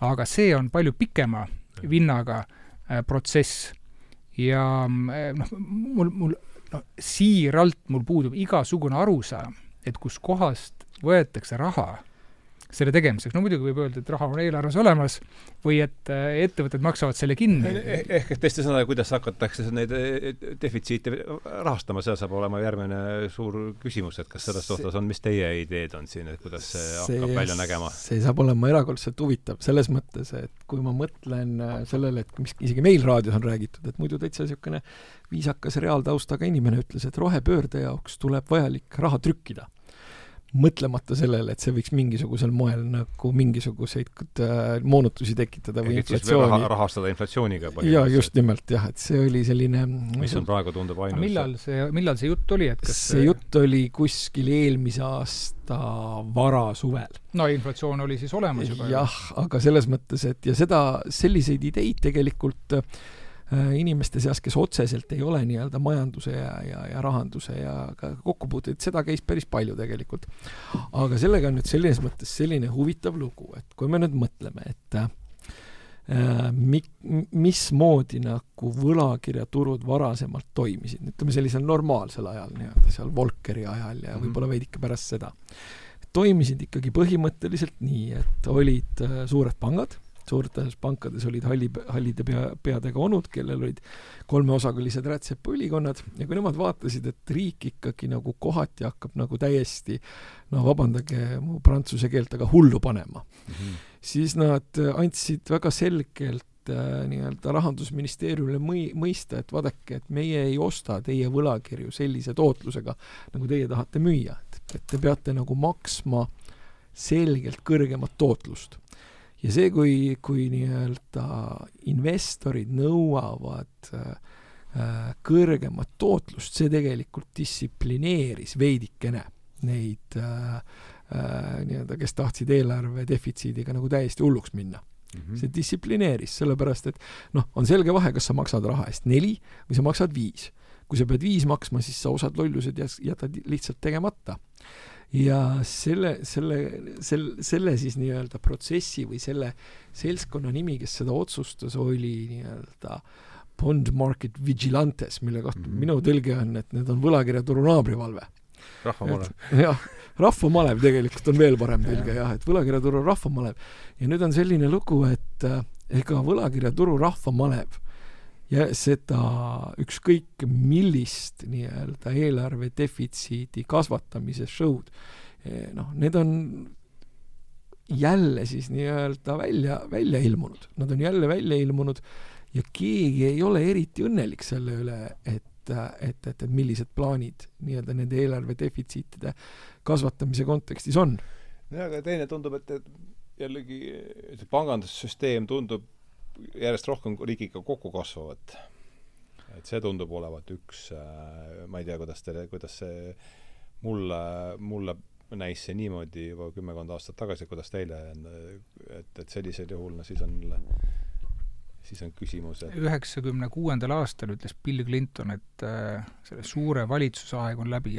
Et, et palju, palju on muutunud äh, selle ajaga, et et ma arvan äh,, sellist plaanimajandust on äh, tõusvas joones äh, olnud viimased no vähemalt äh, kolm-neli aastat. Ja ma arvan, et kui, kui need plaanid, millest ma just rääkisin, neid jätkatakse samamoodi, siis me näeme seda veel süvenevat. Oh ja siis me liigumegi sinna äh, nagu see Time äh, ajakiri kirjutas viiskümmend aastat tagasi, et äh, et ikkagi sotsialismi poole. et ma ei, ma, ma ei näe, et, et mingit, mingit muud moodi see, see, see, see mudel kuidagi äh, välja kannataks seda.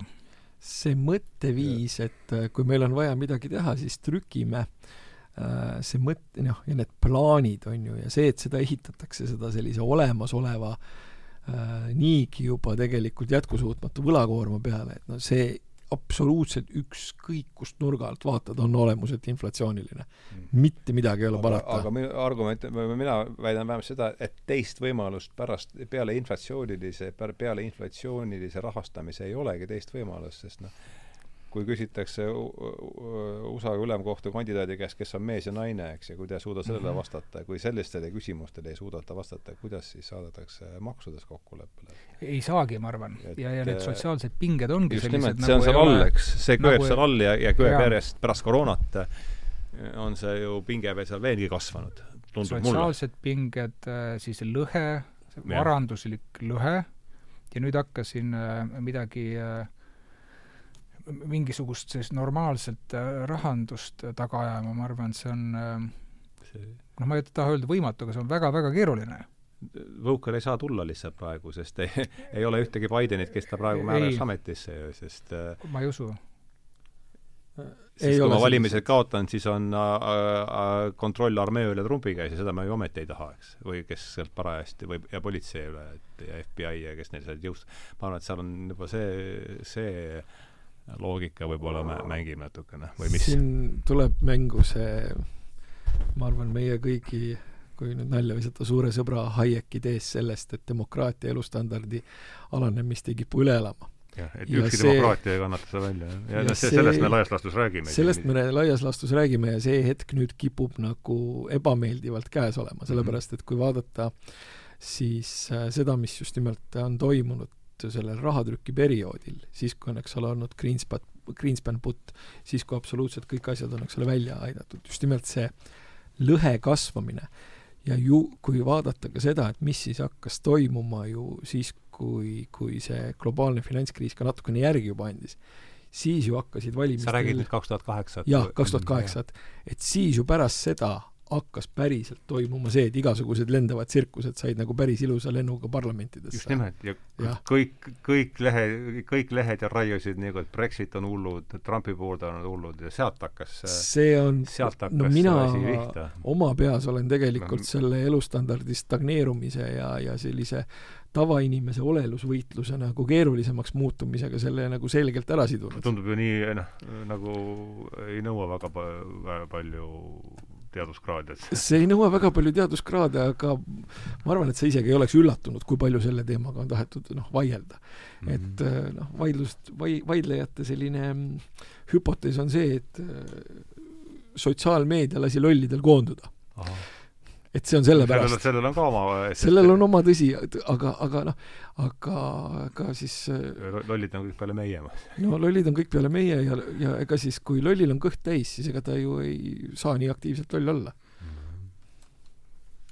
-hmm selle, selle jah, inflatsiooniga seoses, ma olen viimasel ajal püüdnud ennast harida just sellises äh, ütleme, materjalide ja maavarade ja mineraalide kontekstis mm. -hmm. sest et äh, mulle reaalsed mulle, ressursid? jah, et mu, mulle tundus, et ma ei saa sellest aru, kui ma noh, lugesin neid, neid roheplaane ja no mingi, mingi selline tõrge oli, et, et, et ilmselt peab seda väga palju olema. ja siis ma olen kuulanud erinevaid podcast'e, kus on siis noh, igasugused oma ala, oma ala spetsialistid on rääkinud ja ja noh, üks asi, mis mul jäi näiteks meelde, et et tehnoloogia kui selline on deflatsiooniline no,. et kõik, mis meil siin laua peal on, eks ole, läheb, läheb odavamaks. aga see sisend, mis sinna läheb, on inflatsiooniline. ja, ja noh, praegu ka meid vaadatakse läbi noh, mingisuguste ekraanide, laptopide, mm, millega iganes, et sellist asja tegelikult pole olemas nagu roheline laptop mm. -hmm. on ju no,? et see sisend, mis sinna sisse läheb, haruldased metallid. seal on jaa, noh, üks selline analüüs, mida ma lugesin, oli see, et äh, aastaks kaks tuhat nelikümmend, mis on meil vähem kui kahekümne aasta pärast, on vaja kaevandada kolmkümmend korda rohkem, kolmkümmend korda rohkem koobaltit, vaske, liitiumit, niklit ja haruldasi muldmetalle kui kaks tuhat kakskümmend aastal noh, sisuliselt me nüüd paari aastaga ei ole mingisugust hüpet teinud. esiteks, seda ei ole kunagi varem tehtud. teiseks, need maavarad asuvad reeglina, mitte alati, aga reeglina sellistes riikides, mis ei ole demokraatlikud. ehk et kui nende eh, kohta kasutatakse ka sellist ESG maatriksit, nagu investeerimisfondid kasutavad ettevõtete kohta, siis nagu moraalselt ei tohiks osta neid maavarasid mm. -hmm praktiliselt üldse. nüüd äh, teine teema on, et äh, kas neid üldse leidub nii palju ja see kolmkümmend korda on ainult akude jaoks. mitte ainult autoakud, aga igasugused akud, mis nüüd sellesama roheplaaniga äh, lähevad kokku, eks. et äh, siis ma olen nüüd edasi sealt mõelnud, et okei okay,, siis mind, mis mind nagu edasi tiivustas, oli see, et see autode bänn et ei tohi olla fossiilkütusel põhinevaid autosid või neid ei tohi müüa. uusi ei tohi müüa? uusi autosid ei tohi müüa aastal kaks tuhat kolmkümmend viis. kaks tuhat kolmkümmend viis on see piir, jah? jaa. see on nüüd Euroopa see on Euroopa, jah. määrus, jah. ja ja siis ma kuulasin ühte sellist äh, podcasti, mille nimi oli The Great Simplification, ma väga soovitan seda. Mihkel Kunnus äh, soovitab seda. seal on palju erinevaid kuidas? mis selle tegelase nimi on? Nate Hagans. Nate Hagans ja ta on kutsunud sinna siis äh, noh, nii selliseid vanasid mingisuguseid nafta magnaate rääkima, kui ka selliseid inimesi, kes noh, räägivad äh, noh, vajadusest võib-olla tõesti bännida kõik või keelata ära kõik need äh, fossiilkütustel autod. aga mis on sealt nagu see läbiv joon, on olnud see, et mida mina näiteks ei teadnud või ma ei olnud seda teadvustanud, et, et kui me kaevandame naftat, et me saame ühe barreli seda kätte maapõuest, eks, et see on ju miljonite aastatega ladestunud sinna kuskile väga sügavale, eks. et kui palju sellest ühest barrelist, mis on selline levinud mõõt sellel, kui palju sellest on üldse bensiin? see on umbes nelikümmend protsenti. Mhm. ja kuidas seda sealt välja saadakse, sealt põletatakse välja need mm. -hmm. kõigepealt äh, tulevad Fraktsioonid. erinevad gaasid, nagu seda, propaan, jah, propaan ja mis seal olid, äh, veel mingisugused gaasid, ühesõnaga sealt tuleb umbes kuus tuhat produkti, tuleb sellest ühest barrelist äh, tooteid. gaasid, bensiin, siis lennukikütus ja diisel mm. -hmm. ja selle diisli all siis on selline kütteõli ja siis asfaldi äh, tootmiseks selline paks tökat, eks mm. -hmm. et kui me nüüd kujutame ette, et meie võluväel siin kolmekesi teemegi niimoodi, et kas või homme päev on kõik ainult elektriautod meil vuravad ringi, et siis äh, seda naftat või fossiilkütuseid peab kaevandama endist viisi ja veel rohkem. selle tõttu, et äh, sul on vaja neid teisi tooteid saada sealt sa võid selle bensi-, ja mis selle bensiiniga siis saab, see lihtsalt põletatakse tõenäoliselt ära. nii olen mina sellest asjast aru saanud, sest diisel on see, millega töötavad kõik masinad, kõik veoautod, kõik need kaevandamiseks kasutatavad masinad, millega on vaja kaevandada neid kolmkümmend korda rohkem vajaminevaid maavarasid ja mineraale. ja need ju elektri peale ei lähe no need, just, et, et, et sa võid nagu, ja just ma olen üritanud nagu seda suurt pilti natukene äh, natukene paika sättida, et, et mida sul on vaja selleks, et saavutada noh, neid eesmärke. et sul on vaja tegelikult äh, sisuliselt maakera ümber keerata noh, selle kaevandamise käigus, eks, ja sai igasugused sellised üleskutsed, et et lõpetame fossiilkütuste kasutamise, on no kui sa hakkad vaatama üldse, et millest tehakse plasti, kas me plastist loobume, no ei loobu. teras, seal pidi no, no, nojah, aga, aga tuulikulabad, noh. et nagu teras, betoon, ähm, tsement, asfalt, et no sa ei saa neid asju äh, muul moel valmistada Ehm, siis noh, kellegagi ma väitlesin sel teemal, ütles, et oot-oot, biodiisel. ma ütlesin, et okei okay,, biodiisel, selleks me peame kasvatama siis mingisugust äh, produkti. et see ju hakkab konkureerima siis äh, toidu äh, kasvatamisega, on ju. ehk et äh, ma näen, et see pool on selline, mis äh, seda plaani arvestades kaks tuhat viiskümmend, see on noh, niivõrd ebareaalne ebarealistlik ja nii läbimõtlemata et mulle tundub, et selliseid arutelusid, meil peaks olema täitsa mingi eraldi meedia selleks, kus saakski inimesed kokku tulla ja argumenteerida ja selgitada. et ma ei, ma arvan, et äh, see fossiilkütuste teema on lihtsalt nii oluline, et, äh, et see nõudlus selle järele ajas ainult kasvab et no see on teinud võib... seda rahvaarvu kasvu üldse võimalikuks, tundub mulle. jah, ja aga, aga ma, ma arvan ka, et, et ega, ega kõik ei ole ju õigesti tehtud, et ma arvan, et, et see, mismoodi seda praegu raisatakse, lihtsalt eh, noh, sisuliselt laotakse ahju. et see on eh, lühinägelik noh, ütleme, seda on ju ka ammu räägitud, et või, või kutsutud kurja karja, et no kohe on ta otsas, siis jälle avastatakse kuskilt, no kohe on ta otsas. aga ma arvan, et noh, lõpmatuseni teda seal maapõues pole, et kui me mõtleme, et no mis hakkab juhtuma saja aasta pärast või, või tuhande aasta pärast, et kuidagi sa pead noh, mingeid asju tootma ja praegu see tundub noh, asjata ei nimetata, et see on selline must kuld, eks. et need, need kasutusviisid on väga noh, kuidas ma ütlen, piiratud või sellised raiskavad.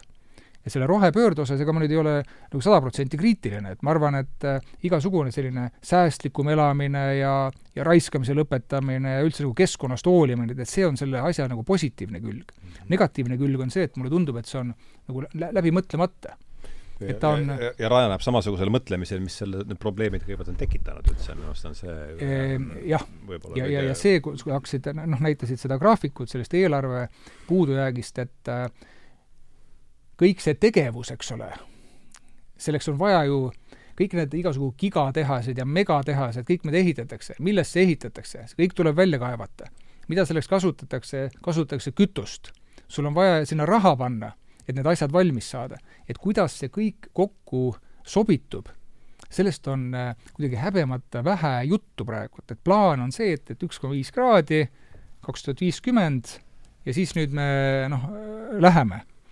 aga ma arvan, et see, see on piisavalt kompleksne teema, et, äh, et noh, kuidagi patt on noh, laduda selliseid ülilihtsaid lahendusi äh, selle lahendamiseks mis, kui sa natukene nagu kriitiliselt mõtled selle peale, siis noh, peaksid hakkama mingisugused häirekellad lööma, et et, et kas ikkagi saab niimoodi? Äh, noh, sa mainisid, eks ole, siin tuulikulabasid ja elektriautosid ja kõiki selliseid asju ja ma olen äh, nii-öelda selgelt, äh, selgelt nii-öelda sa-, samasuguseid mõtteid mõlgutanud, aga noh, see ei ole, noh, see tuulikulaba, see on selline natukene kaugem ja natukene ilusam asi. aga kui me mõtleme seda, et mida me sööme, me sööme põhimõtteliselt seda fossiilsetest kütustest konverteeritud kaloreid mm. -hmm. meil on tegelikult põllumajanduses kaks peamist sisendit. mage vesi ja nafta. ja, ja selles mõttes need mõtted sellest, et äh, noh, meil on mingisugused toredad liikumised, Extinction, Extinction Rebellion on meil mm, -hmm. siis meil on Just Stop Oil siis meil see Rootsi tüdruk ütles viis aastat tagasi, et kohe, kui me, kui, et kui me viie aasta pärast ei, või viie aasta jooksul ei ole fossiilsete kütuste täiesti kasutamist lõpetanud, et siis me oleme nagu kõik, kõik, kõik surnud. see kukkus just see aeg. see kukkus see aeg jah, et see on, see on selles mõttes huvitav, et, et eksisteerivadki päris inimesed, kes, kellel on päris ülikooli haridus ja kes fossiilsete kütuste nii-öelda seda bilanssi ei suuda nagu oma peas absoluutselt kokku panna Nad ei saa aru, mida nad söövad, miks nad söövad, kust see tuleb, kust see MacBook Air tuleb, mida nad kasutavad. ja, ja, ja jällegi, eks ole, see rohepööre eeldab kohutavat nii-öelda mm, ressursside, loodusressursside, eks ole, täiendavat kasutuselevõttu, kaevandamist, kõik, kõik, kõik, samal ajal kui igasugused sellised äh, nii-öelda pikema kogemusega toormeonud ütlevad, et et äh, noh, teate, et sellised madalamal rippuvad nagu õunad, Need on käes juba. need on nagu ära nopitud. et edaspidi kas või vase kättesaamiseks kulub rohkem energiat. ja nüüd on, jõuame sinna, et a, mis energiat siis rohkem kulub? sedasama fossiilsetest kütustest saadavat no energiat täpselt. mis tähendab seda, et seesama nii-öelda see fossiilsete kütuste vastu nii-öelda nõudlus kasvab ja mida nõudluse kasv teeb, mis see võiks hinnaga teha, ehk siis see on jällegi olemuselt äh, noh, inflatsiooniline. midagi ei ole parata. ja, ja üks asi veel, mis ma, mis ma kuulsin, oli, oli see, see, see mõtteviis, eks, et kuidas sa peaksid hindama seda, et noh, kui sa lood noh, näiteks päikesepargi või, või, või, või tuulepargi, et, et kui palju on see või milline on see energiasisend, mis läheb selle, selle tegemiseks. Et vä- väga tihti võetakse niimoodi, et sa teed mingi asja valmis ja siis arvutadki, et, et näed, nüüd ma hakkan tootma ja see on nüüd minu siis see noh, tootlikkus. rahas arvestatuna jah, mm. -hmm, aga, aga see, et, et, Muidugi et kui palju nüüd sa pead seda energiat mm -hmm. äh, kulutama selleks, et, et noh, ehitada kõik see end valmis, kaevata need kohad valmis, eks, et selleks sul on samuti vaja need masinad sinna viia, selleks need masinad kasutavad diislit, et see bilanss on natukene teistsugune siis. võib-olla ei ole kardinaalselt, võib-olla on ka. et see on kõik selline kuidagi äh, noh, kuidagi, see lükatakse, lükatakse mm, või ühesõnaga väga, väga ei räägita sellest. ja veel üks huvitav asi on seotud rahvastiku arvuga mm. -hmm. see on põhimuutuja. Et kui ma ennem rääkisin, et, et kui palju on siis selle, selle rohepöörde hind, et, et Ameerika ja Euroopa kokku kuskil kaheksakümmend triljonit. no paneme sinna kakskümmend otsa, no kindlasti läheb kallimaks, sada triljonit, ütleme. sada triljonit, sada tuhat jutuks hea miljardit., jutuks hea küll. triljon, triljoni noh, kus on kaksteist nulli. Yeah. nii, kui palju on tänastes hindades. jaa, ja, ja, ja oletame, et see CO2 ongi äh, nii oluline, et, et ainult sellest peaks rääkima. Mm -hmm. oletame, et see muu, muu looduse hävitamine pole tähtis, oletame, et CO2 ongi kõige tähtsam. siis mis on see, iseenesest heroiline oletus. just nimelt, aga see on, vaata, see on, see on see, et, et, et aga midagi peab tegema. et see on midagi, teeme seda. Ehm. Euroopa ja USA kokku on äh, heal juhul veerand maailma kogu sellest CO2 äh, siis äh, heitest. mm. -hmm. Euroopa on kümme prossa, ma täpselt ei ole äh,, erinevad nägemused on, palju USA on, kas on kümme-viisteist. nüüd äh, kaks tuhat ükssada aasta on see, kui United Nations on oma projektsioone teinud mitu aastat juba. et see peaks olema see aeg, kui maailma rahvastik äh, saavutab oma tipu. kaks tuhat üks on kaks tuhat ükssada, kaks tuhat ükssada? Ükssada, siis peaks olema ÜRO need projektsioonid? jaa. ja seda on Hans Rosling ka kunagi äh, kasutanud ja ma olen vaadanud, et see, see on enam-vähem samasuguseks jäänud hiljem ka. see on üksteist miljardit. on siis see, see maksimaalne äh, ennustatav inimeste arv maakeral. ja kuidas kujuneb või kuidas jaotub see rahvastik? Aafrikas ja Aasias on enam-vähem sama palju inimesi aastaks kaks tuhat ükssada. natukene vähem kui kaheksakümne aasta pärast ja Aafrikas ja Aasias on siis sellest üheteistkümnest miljardist kaheksakümmend protsenti. -hmm. kujutate ette nüüd? Aasia põhiliselt kasvab India eh, ja siis kahaneb eh, Hiina. ja ta jääb enam-vähem samale eh, tasemele.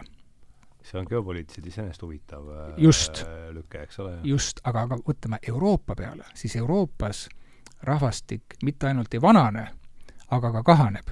ta kahaneb juba ka kahekümne, kahe tuhande viiekümnendaks aastaks. ja Ameerika, ta jääb enam-vähem samale tasemele. ehk et meil on kaks sellist Mehhikost peale ka vist.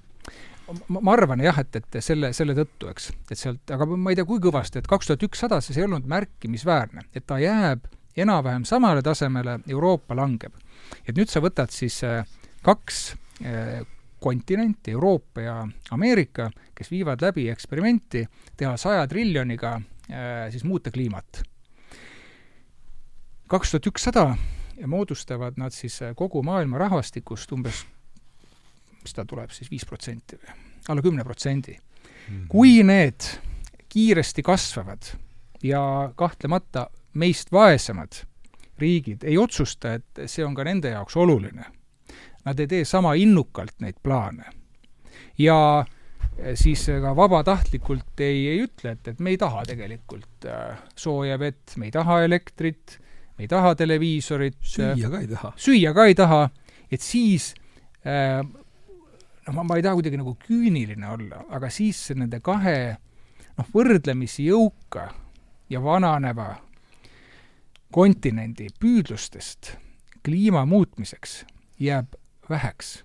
isegi kui kõik see, millest me varasemalt rääkisime, ehitatakse need masinad ja kaevatakse maakera tagurpidi, isegi kui kõike seda tehakse, siis see on kakskümmend protsenti kogu sellest, mis siis äh, see ülejäänud kaheksakümmend või kaheksakümmend protsenti, kui neid see väga ei paelu, siis äh, noh, mul on nagu raske näha, et, et mis, mida me nagu saavutame sellega peale selle, et, et äh, oma konkurentsivõime ära hävitatakse ning ka Euroopat nüüd silmas pidades, ma ei ütleks, et Euroopa tervikuna on väga jõukas piirkond. ma arvan, et väga paljud ikkagi vaesuvad ja vaesuvad päris korralikult sellega mm. -hmm ja, ja seetõttu ma pean väga oluliseks, et, et selliseid teemasid arutataks natukene pikemalt kui noh, näiteks uudistes kolm minutit kellegi kommentaar ja võib-olla kellegi arvamus, arvamuslugu. Nojah, aga siin on jah praegu tegemist ilmselt sellega, et me ei tea täpselt, meil tuleb kõigepealt kaks tuhat kakskümmend viis üle elada või kaks tuhat kakskümmend kuus, enne kui me saame siin kaks tuhat ühe, kahe, kahe tuhande ühesaja juurde minna, sest needsamad eelarvegraafikud on siin ja mul on siia, mul on meeles äh, ma olin pangas siis veel tööl. ma ei tea, kas te Simon Shama nimi ütleb teile midagi või? kuulnud olen. ta on kirjutanud, ta on tõlkimisel on meil praegu ja see on nüüd, meil on vist mingi pool tunnikest jäänud siin. jah, ongi, näe, poolteist tundi juba istutud, et katsume poole tunniga. Simon Shamalt on ilmunud äh, Prantsuse revolutsiooni kroonika. Äh,, on ta nüüd eesti keeles ka tõlkimisel, nimi on Kodanikud ja mul on selgelt meeles, ma siis, siis ma olin veel pangas tööl ja, ja see ilmus kakskümmend üks mai kaks tuhat kümme ilmus äh, Simon Shama artikkel Uue raevuajastu künnisel. et nüüd haakub natuke ja ma tsiteerin siin, annan teile selle palli, palli, palliga mängida, et et ajaloos, see on siis, kirjutab Simon Shama äh, kahekümne esimesel mail kaks tuhat kümme, et ajaloolased teavad rääkida, et majanduskatastroofi ja sellele järgneva raivopuhangu vahel on sageli väike paus esimeses vaatuses toob kriisi põhjustatud šokk kaasa hirmunud peataoleku ja poliitilise messi ootuse, instinktiivsed enesekaitsemeetmed, kuid mitte veel viha organiseeritud mobilisatsiooni. olgu tuhat, olgu aasta tuhat seitsesada kaheksakümmend üheksa või kaks tuhat kümme, tavaliselt jääb tormiharjal ametisse astuvale valitsusele üürike hetk kriisi ohjeldamiseks. kui nähakse, et see ei söösta, see ei säästa olukorra parandamiseks oma jõudu, võib valitsus mõneks ajaks saavutada ka ajutise legitiimsuse. teine vaatus on keerulisem. ehk et siis äh, noh, sealt seesama, et see, kust, kust tuli see, mind, kui ma kaks, ma olen seda mitu korda rääkinud saadetes, erinevates saadetes, et et kaks tuhat kuusteist, kui ma selle oma puhveti siin asutasin, et mind huvitas see, et kust tuleb see hüsteeria, kust tuleb see ärrituvus, noh, mis oli siis juba tunda, eks. et noh, Shama väidab, et see on kaks tuhat, kaks tuhat kaheksa, eks. nüüd me oleme kahe tuhande kahekümnega seal keeranud veel noh, kõvasti vinti juurde, et mis saab teie arvates edasi? kuhu see asi, kuhu see asi äh, tüürib, tüürib kõige selle taustal, millest me, millest me oleme siin täna rääkinud? kohutavalt keeruline on, noh, ma üritan optimist olla. aga kohutavalt keeruline on siit pigistada välja midagi sellist, mis oleks äh, räägiks meile sellisest elustandardi paranemisest ja trillala-trullala nagu rõõmsast äh, arengust ja majanduskasvust. mis ma tahtsin äh, Kaarlile võib-olla eelmise jutu kontekstis täienduseks öelda, täienduseks öelda ja mis siis äh, noh, võib-olla seda optimismi siis nii-öelda väga kõvasti välja pigistada ja üritada olla optimistlik, et ilmselt need, kes on neid plaane teinud ja mõelnud, nad on mõelnud sellises kontekstis, mida tähendatakse täheldatakse inglise keeles sellise väljendiga, et something will come up. ehk siis nad ilmselt eeldavad seda, et tehnoloogiline innovatsioon kuskil võtab, lahendab mingisugused probleemid ära vastasel korral oleks äh, kõik need projektsioonid, mis tehtud on, suhteliselt absurd. see on samamoodi nagu euro kokkupanekul eeldati, et äh, see tootlikkuse erinevus, eks ole, mis on Saksamaa ja Portugali vahel. tulevad väiksed kriisid, on ju, väiksed kriisid muudavad äh, aktsepteeritavaks äh, selle, et minnakse nii-öelda fiskaaluniooni suunas ja, ja probleem laheneb iseenesest ei tulnud väikseid kriise, tuli üks suur, on ju, oli ja siiamaani on probleem üleval. siiamaani on probleem üleval. ilmselt võimendunud. võimendunud ja ilmselt eeldatakse seda just nimelt, et something will come up. ja see on ka ainukene selline nii-öelda veidikenegi optimistlikuma tooniga mm, mõte. Et äh, sest noh, vastasel korral noh, kõik nii-öelda punktid, millest me siin rääkinud oleme, on oma olemuselt inflatsioonilised. kui nad ei ole inflatsioonilised nii-öelda vahetult, siis nad on inflatsioonilised veidikene pikemas perspektiivis. nii et äh, ja noh, me ei räägi siin, eks ole, inflatsioonist kakskümmend, kolmkümmend prossa, vaid me räägime ikkagi sellisest inflatsioonist, mis paneb ühiskonna alustalad äh, vappuma no mulle tundub. põhimõtteliselt küll ja siin on jällegi, et see, mis võib-olla varasemalt, kui Volkerist räägiti, sai nagu mainimata jäetud, et noh, ajaloolised seaduspärad ja intressimäärad, eks ole.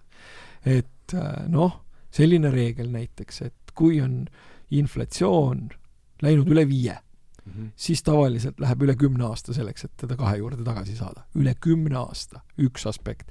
teine aspekt, see, et tahad inflatsiooni saada korralikult kontrolli alla, tore sul peab olema keskpanga suurem intressimäär vähemalt kolm kvartalit äh, üle inflatsioonimäära.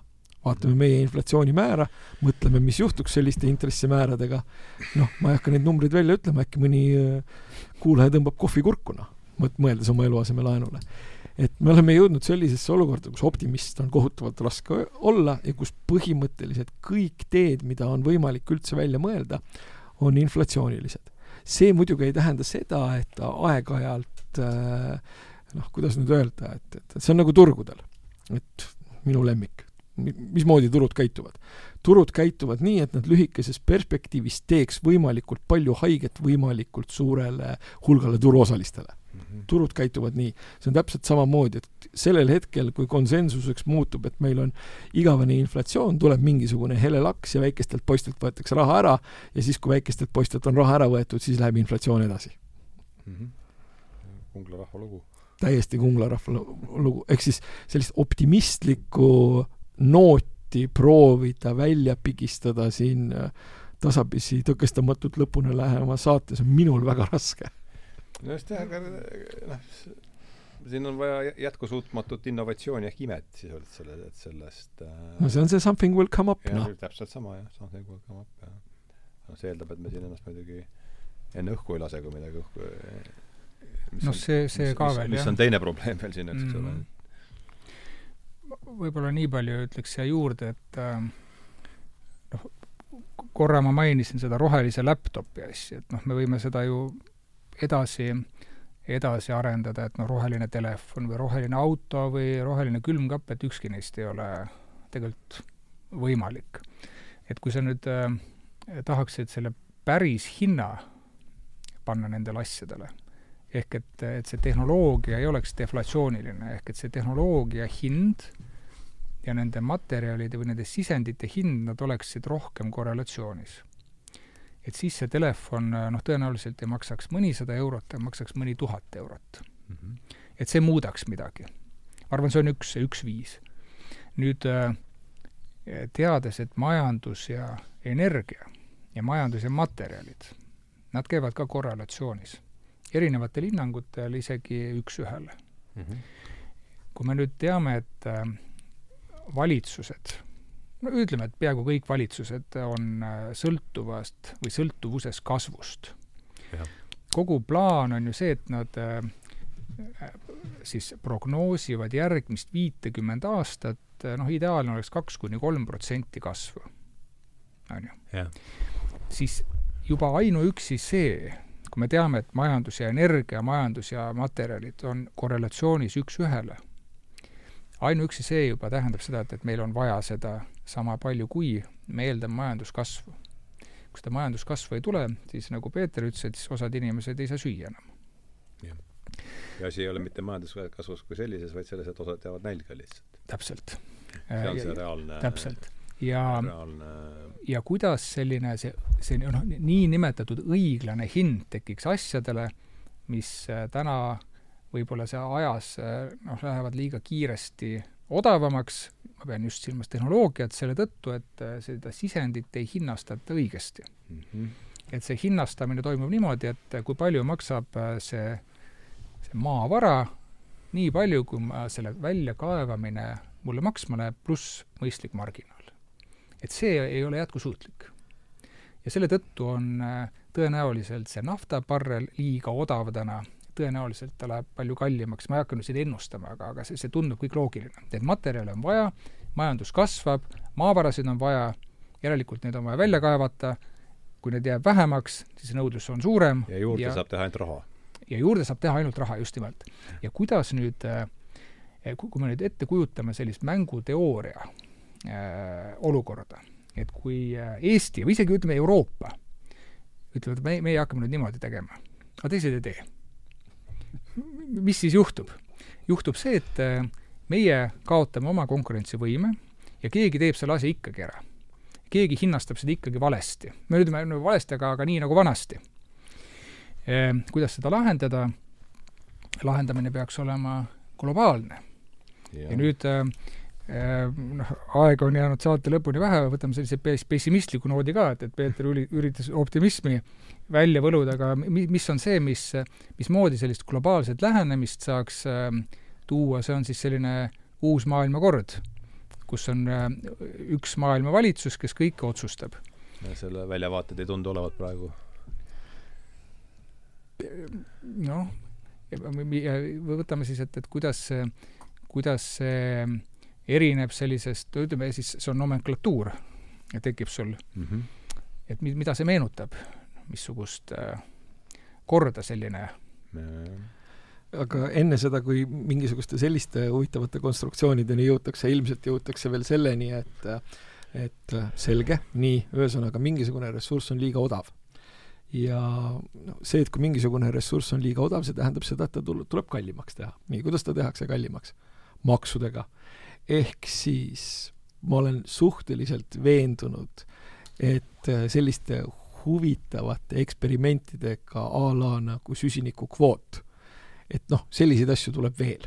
ehk siis põhimõtteliselt ressursside nii-öelda, kuidas, kuidas see ilus sõna on, nende selle maksumuse internaliseerimine tähendab lihtsalt seda, et me peame noh, vähemalt tehakse katseid, et me peame valitsustele rohkem raha andma. oo oh jaa, siin pole ju, eelarvete seisud on juba ju eelarvete seisud on juba igasuguse rohepöördeta. ja siis on nagu küsimus, et okei okay,, et äh, kuidas see valitsus seda raha kulutab, mida ta sellisel nii-öelda täiendaval moel mm -hmm. nii-öelda enda kõhu alla kraabib. me jõuame sinna šamma juurde vaikselt. jah, ja, ja ma pakun, et äh, selles mõttes, et kui ka kavatsused on head, siis see raha kulutamine nüüd selline, et mis siis päriselt tekitaks justkui õiglase hinna sellele ressursile äh, või, või aitaks tasandada siis nii-öelda seda nii-öelda problemaatikat, mida see ressursi maa seest välja koukimine nagu teeb, see raha ei jõua sinna.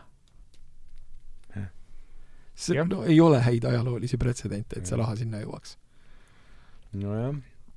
ei no ma, ma ei tea, eks see on siin, kui me Kaarliga oleme siin rääkinud ja ja ju see on varemgi läbi tulnud, no vägisi minu, mulle tundub, et see, et mis on ikka siin laias plaanis toimub, kõige lähem paralleel seda, mida mina olen oma elus näinud, on ikkagi kaheksakümnenda aastate lõpp praegu sellises globaalses, globaalses mõõtkavas, et mis saab sinuga, Peeter, me ei ole saanud sellest väga rääkida, kuidas sulle see mõte tundub?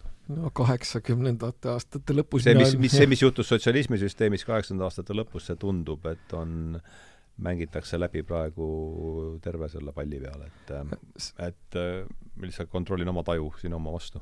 Mm, selles mõttes, et ma olen äh, nõus, aga mul on siin selline väikene nii-öelda lühis tekib peas mm. -hmm. mul tekib lühis peas sellepärast, et kaheksakümmend kaheksa, mina olin kaksteist mm. -hmm. Ja umbes kaheksakümne kaheksandast aastast põhimõtteliselt no võib-olla kuskil kahe tuhande neljateistkümneni, mina tundsin iga päev sisuliselt, et elu läks kogu aeg paremaks mm. -hmm kui ma mõtlen vabaduse kasvu, kui ma mõtlen äh, nii-öelda selle informatsiooni kättesaadavuse kasvu, kui ma mõtlen majanduslikku heaolu, kui ma mõtlen kas või ninaesist, siis see läks kogu aeg ainult paremaks. Ja aga praeguses kontekstis, kui ma mõtlen, et äh, tehakse nii-öelda pankrotistunud majanduseksperimenti nagu läbi, siis äh, millised need eeldused on, et, et, et, et siis hakkab paremaks minema? nojah, me olime siis noored ja me olime selles võitjate, sisuliselt selles võitjate põlvkonnas. me saime pankadesse tööle ja hakkasime seal tähtsat nägu tegema, aga osad kaotasid ju, eks ole, siin oma, oma säästud ja, ja, ja, ja inimesed jäid noh, noh, et kui me vaatame kas või seda, kuidas Ceausescule ei läinud eriti. Ceausescule ei läinud hästi, aga nagu me, nagu vaatame ka, ütleme noh, ja me sattusime tegelikult võib-olla ka selle äh, teatud mõttes teatud regiooni restardi kontekstis kõige paremasse kohta maailmas mm. -hmm. sest noh, keegi nagu seda ei usu, et siis mingu käigu Moldovas ära, vaadaku, et ka põhimõtteliselt niimoodi on võimalik äh, elada, vaatamata sellele, et justkui oleks Nõukogude Liit äh, juba nagu varsti kolmkümmend kaks aastat tagasi oma huilgamise lõpetanud ja noh, meil oli mingi ettekujutus, sest Soome televisioonis me nägime, mismoodi see elu võiks välja näha, praegu ei ole ühegi maa televisioonis mitte mingit ettekujutust, mismoodi see võiks üldse hakata. ja, ja siis tekkis ju lõppude kõik on ühtviisi segaduses. ja lõppude lõpuks ju tekkis ka, eks ole, läänele me ju tegelikult meeldisime, sellepärast et me olime potentsiaalsed tarbijad. just. noh, peame hakkama nagu välja kalkuleerima, et kes nüüd need potentsiaalsed tarbijad on. noh, leiame küll mingisugused kolm miljardit inimest, kes suhteliselt halvasti elavad aga kui me tahame nende ole, neid nii-öelda olelusvõitluses ülespoole upitada, kuidas see rohe-eesmärkidega kokku läheb? ilmselt see muutubki, paradigma muutub, et enam pole mitte tarbimine niivõrd, vaid elus püsimine on ta tõenäoliselt see suur, suur muutus, mis siin, ja see on põhimõtteline just põhimõtteline, põhimõtteline muutus, mis äh, avaldab kõikides äh, jah. no ma näitan, no räägin see, see viib meid nüüd selle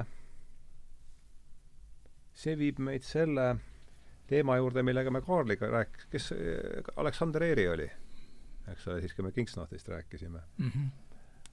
et viimase slaidi peal võin, jah. see viimasele slaidile, kui nüüd oletame, et siin on mingid paralleelid, et no mis kaheksakümmend üheksa lõppes, eks ole, sotsialistlik mark-, marksism-leninism, mis oli teadupärast ju ka teadus, kui, kui te, kui te mäletate, see oli, see, see oli selle krahh ja ja see lause, mis on minule, või see lõik, mis on jäänud mulle oma tegemistest meelde, see on see augustis kaks tuhat, kaks tuhat kakskümmend kaks ilmunud intervjuu Paul Kingsnorthiga, inglise kirjanikuna, et võtaks teile siin veel, veel kord Kaarliga me oleme rääkinud mm. sellel teemal, aga, aga Peetriga mitte, et äh, tsiteerin siis Paul, Paul Kingsnorthi artiklist Scientism ja seks, mis ilmus tähenduse teejuhtide kaheksandas numbris, et läänemaailmaga on minu arvates midagi väga valesti. ja mu meelest on tegemist just nimelt spirituaalse kriisiga. kui ma vaatan viirusele või käimasolevale kultuurisõjale, siis tundub mulle, et tegelikult probleemid asuvad poliitilisest või majanduslikust tasandist palju sügavamal. see on ka põhjus, miks me ei leia neile poliitilisi ja majanduslikke lahendusi me arvame, et me oleme püramiidi tipus, et peale meie pole kedagi. ajaloos pole olnud veel ühtegi ühiskonda, kus oleks arvatud, et eksisteerib ainult materiaalne sfäär. mulle näib, et laiemas plaanis leiab praegu aset materialistliku maailmavaate suur kokkuvarisemine ja siis ta lisab seda mulle juurde, et, et see tundub mulle täiesti ilmne, aga kuivõrd ma ei, ei suuda või ei viitsi sellest kirjutada teaduslikku artiklit, mis on ainus niisugune äh, siis noh, tundub see paljudele ebauskliku jampsina ja ma ei saa sinna midagi parata, lõpetab ta oma mõtte siis, et äh, et äh, veerand tundi jäänud umbes, et mis, mis assotsiatsioone teis see mõte ja see on umbes see, kuhu mina olen oma, oma mm. kaevamisega jõudnud ja, ja noh, mul on olnud see võimalus jah, et mitte väga sellel jah, kaevuda sinna allapoole rohkem, et no ma mõtlen sellele, et ma elan Eestis ja plaanin elada veel Eestis, sellepärast et mulle täitsa meeldib siin. -hmm. vaatamata sellele, et äh, ilm on, ilm on vilets ja inimesed kohati pahurad, eks ole mm. -hmm. aga läheb soojemaks. aga läheb soojemaks. ja siin on nüüd selles mõttes selline huvitav aspekt, et meil alati, kui hakatakse rääkima sellistest veidikene natukene võib-olla teadusest välja jäävatest teemadest, siis kõik on viskavad ennast niimoodi valvel seisakusse, ütlevad, et me oleme siin kõige ateistlikum üldse seltskond, kes olla saab, me oleme kõik teaduspõhised, me kõik põhimõtteliselt usume ainult seda, mida me katsuda saame mm, -hmm. nii. ja kõik on siis jõle uhked selle üle, et ainult tšehhid on võib-olla sama kõvad tüübid kui meie, on ju. nii, ja siis tuleb Tartu Ülikool, eks ole, ja teeb uurimuse ja hakkab siis nagu süva, sü-, sügavuti minema ja siis selgub, et absoluutselt noh, ütleme, on vähe Äh, riike, kus nagu usutakse igasugust uhhuud rohkem kui meil.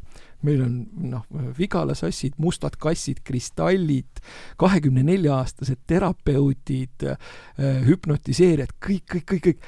ja noh, loomulikult see tähendab seda, et äh, inimestel on nagu selge ja teatud vaimne tühimik. loomulikult see tähendab seda. ilmselt see on globaalne ja nüüd on küsimus, et äh, kuidas see, kuidas ja kes selle ära täidab. sellepärast, et see on see suur küsimus. see on see suur küsimus, sest äh, ütleme nii, et ma arvan, et äh, kui keegi suudab tekitada mingisuguse mõtte või idee, mis resoneerib äh, võimalikult paljude inimestega, siis see, see tegelane on, see tegelane ongi siis nii-öelda noh, võib-olla messias on palju öelda, aga paljude inimeste jaoks see, sest noh, mõtlen, et kui ma vaatan aknast välja, siis mulle kohati tundub, et meil siin ikkagi toimub selline täiesti uskumatu kaootiline siplemine äh, üha absurdsema esoteerika suunas. ja see on suhteliselt selline paaniline soov mingisugust puudujääki endas üritada millegiga täita. ja see, kes põhimõtteliselt suudab selle täitmiseks anda nagu parima võimaluse, võib-olla teha seda isegi globaalselt mm, -hmm. kuigi see on ma ei tea, võib-olla liiga, liiga vallatu mõte see on see, kes põhimõtteliselt äh, dikteerib kogu järgneva show.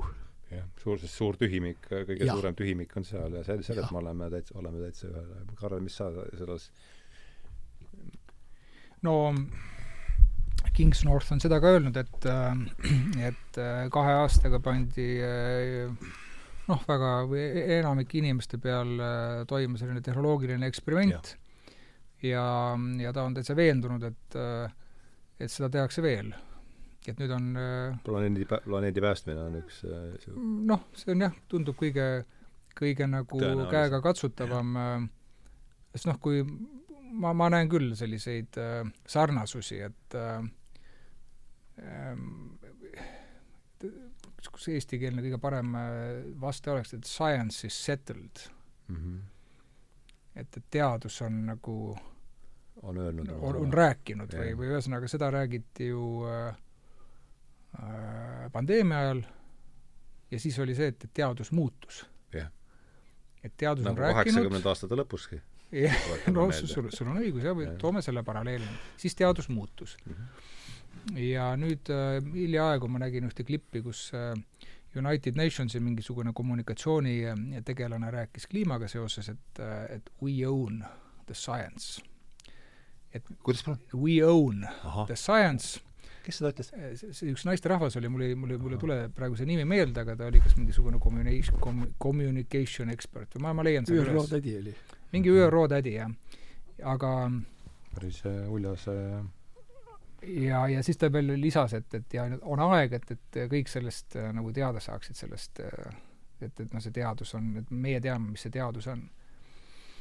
ja ja ma, ja ma arvan, et see läheb edasi kõik, et äh, vahepeal, noh, sina tõid vahepeal ju siin äh, näite, et vahepeal on hingetõmbepaus, ma arvan, praegu ongi hinge, hingetõmbepaus, et siis siis läheb edasi see, et ähm, äh, kuskilt ma lugesin, et, et Facebookiga vist on juba ühendust võetud, et tuleks hakata tsenseerima seda kes ei noh, ei räägi õigesti sellest kliima või kliimateemadel et see noh, praegu ju tuleb nii protokoll palju on läbi mängitud sisuliselt. nojah, et praegu tuleb ju nii palju infot äh, no kas või Twitterist, kui Musk selle ära ostis, et, et mismoodi, Twitter oli sisuliselt nagu FBI osakond.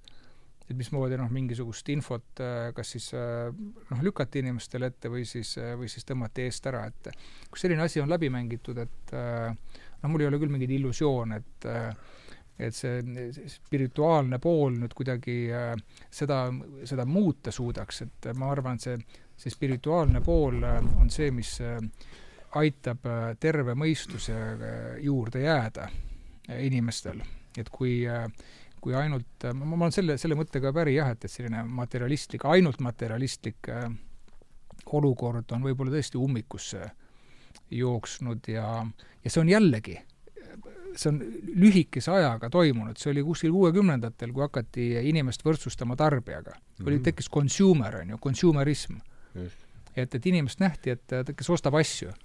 lubati ja, lendavaid autosid ja mida kõike jah, jah, ja, ja ma arvan, sealt ongi ta hakanud, hakanud kerima, et äh, igasugused vaimsed probleemid ja üksindused ja vaata, millest see Mattias Desmet rääkis, et äh, kust no, tuleb selline massi massiformatsioon ja, ja karja käitumine ja et, et inimesed tunnevad, et nad on ärevil neil on midagi puudu, igapäevases elus puudub selline suurem tähendus, eks ole, ja siis nad ongi väga altid igasugustele sellistele kontroll,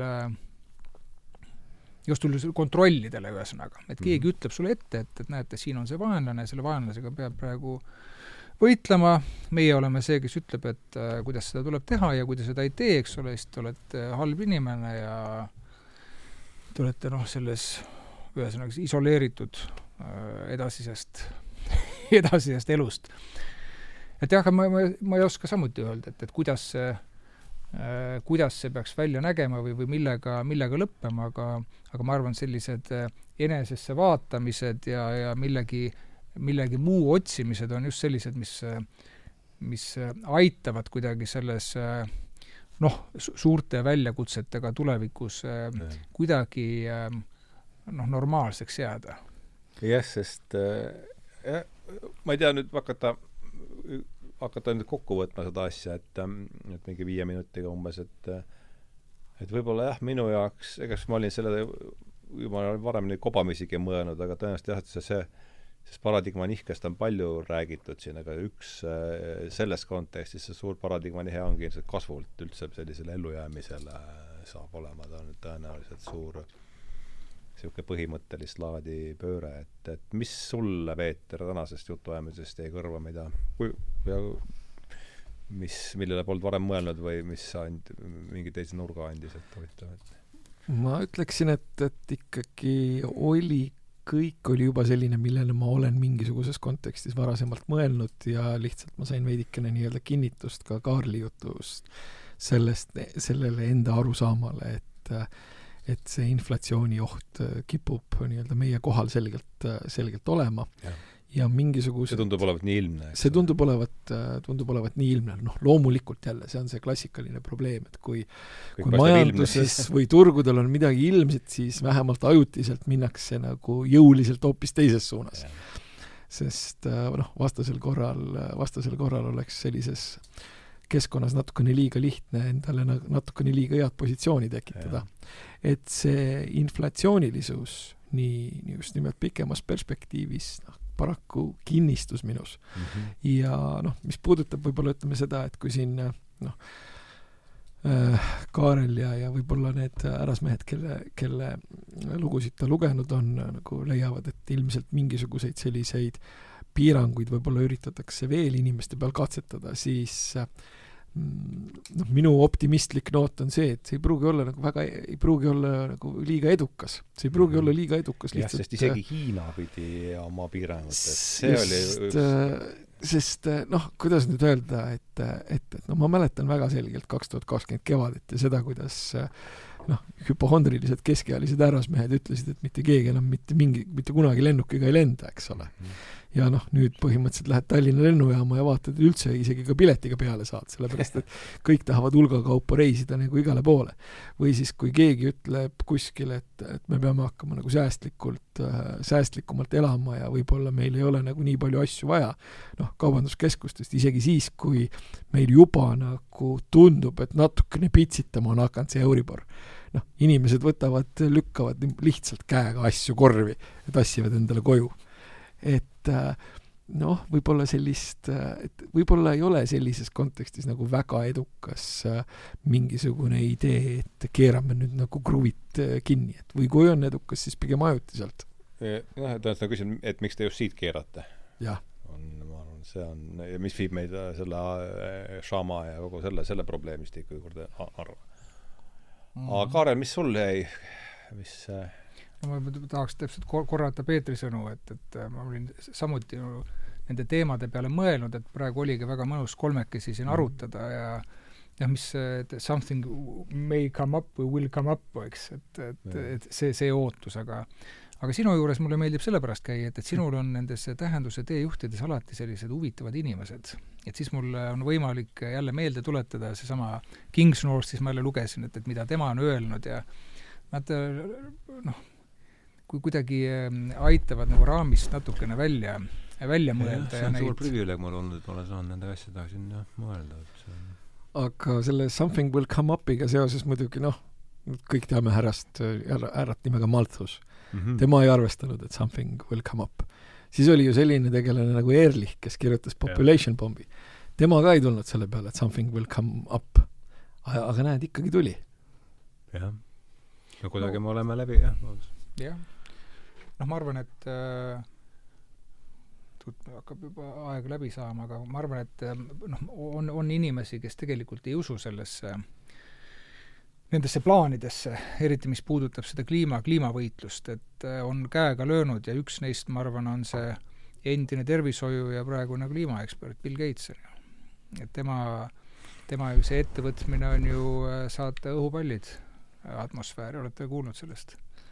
Vääveldioksiid ah, no, miljoneid tonne, et ta ütleb, et noh, seda pole võimalik teha ja siis ma, ma alles mingi eelmine aasta taeva võõpamise harjutus? taeva võõpamine jah, et, et see siis peegeldaks tagasi päikese, päikese kiirgust. ma vaatasin, ma ei mäleta, kas eelmine aasta või oli seriaal tehti sellisest äh, filmist nagu Snowpiercer soovitan, ähm, võib-olla see seriaal on liiga pikk, et see kolmas hooaeg läks juba liiga igavaks, aga sellest on film ka. Snowpiercer Snow oli Piercer. rongi, rongi nimi. ja see rong äh, sõitis ähm, üleni ära külmunud maakeral, kuhu koondati vist oli tuhat jõukat inimest ja seal rongi peal oli siis kõik eluks äh, vajalik ja ja ei tea, kuidas see maakera ära külmus, see on jumala vana film maakera külmus sellepärast ära, et, et mingisugused ärimehed tahtsid äh, kliimat äh, sättida nendele, nendele sobivaks, et, et loodame, et nii ei lähe siis oleks, siis oleks, ma arvan, juba, juba pool võitu käes. jaa, no mul tuli, kirjutasin selles, selles viienda numbri juhtkirjas, seesama, teine idee on ju see, et ehitada neid tohutult suuri tolmuimejaid. millega siis see süsinik välja ja siis oli see, mul tuli meelde see, kuidas Ivan Orav sai kutse Moskvasse esimesele Nõukogude Nõukogude Liidu tolmujaama esitlusele, siis kuidagi läksid, lihtsalt seebisid otsa kogu, ahaa, et see tundub, et on see kahe, et nendel, et need on kaks äppi, mis, mille alune see opsüsteem on kinni jooksnud ja siit ma sisuliselt mm. olengi selle Kingsnorthi materjalistliku äh, paradigma juurde jõudnud. aga ma ei tea, et kui kell on kuusteist viiskümmend seitse, me alustasime kolmest pihta, kaks tundi on saanud täis, et kas tõmbame järsku joone alla või? tõmbame, tõmbame et oli vahva lobiseda. aitäh kutsumast ja loodame, et vaatajatele, vaatajatele meeldis ka. no loodame, et oli, jutt tiirles nagu ikka siia-sinna ja oli rõõm teid äh, kohata, aitäh, Peeter Koppel, aitäh, Kaarl Ots ja aitäh kõik, kes te meid kuulate ja, ja üldse selle asja olete võimalikuks teinud, et nüüd ma siin vajutan nuppudele ja siis äh, lõpeb see saade ära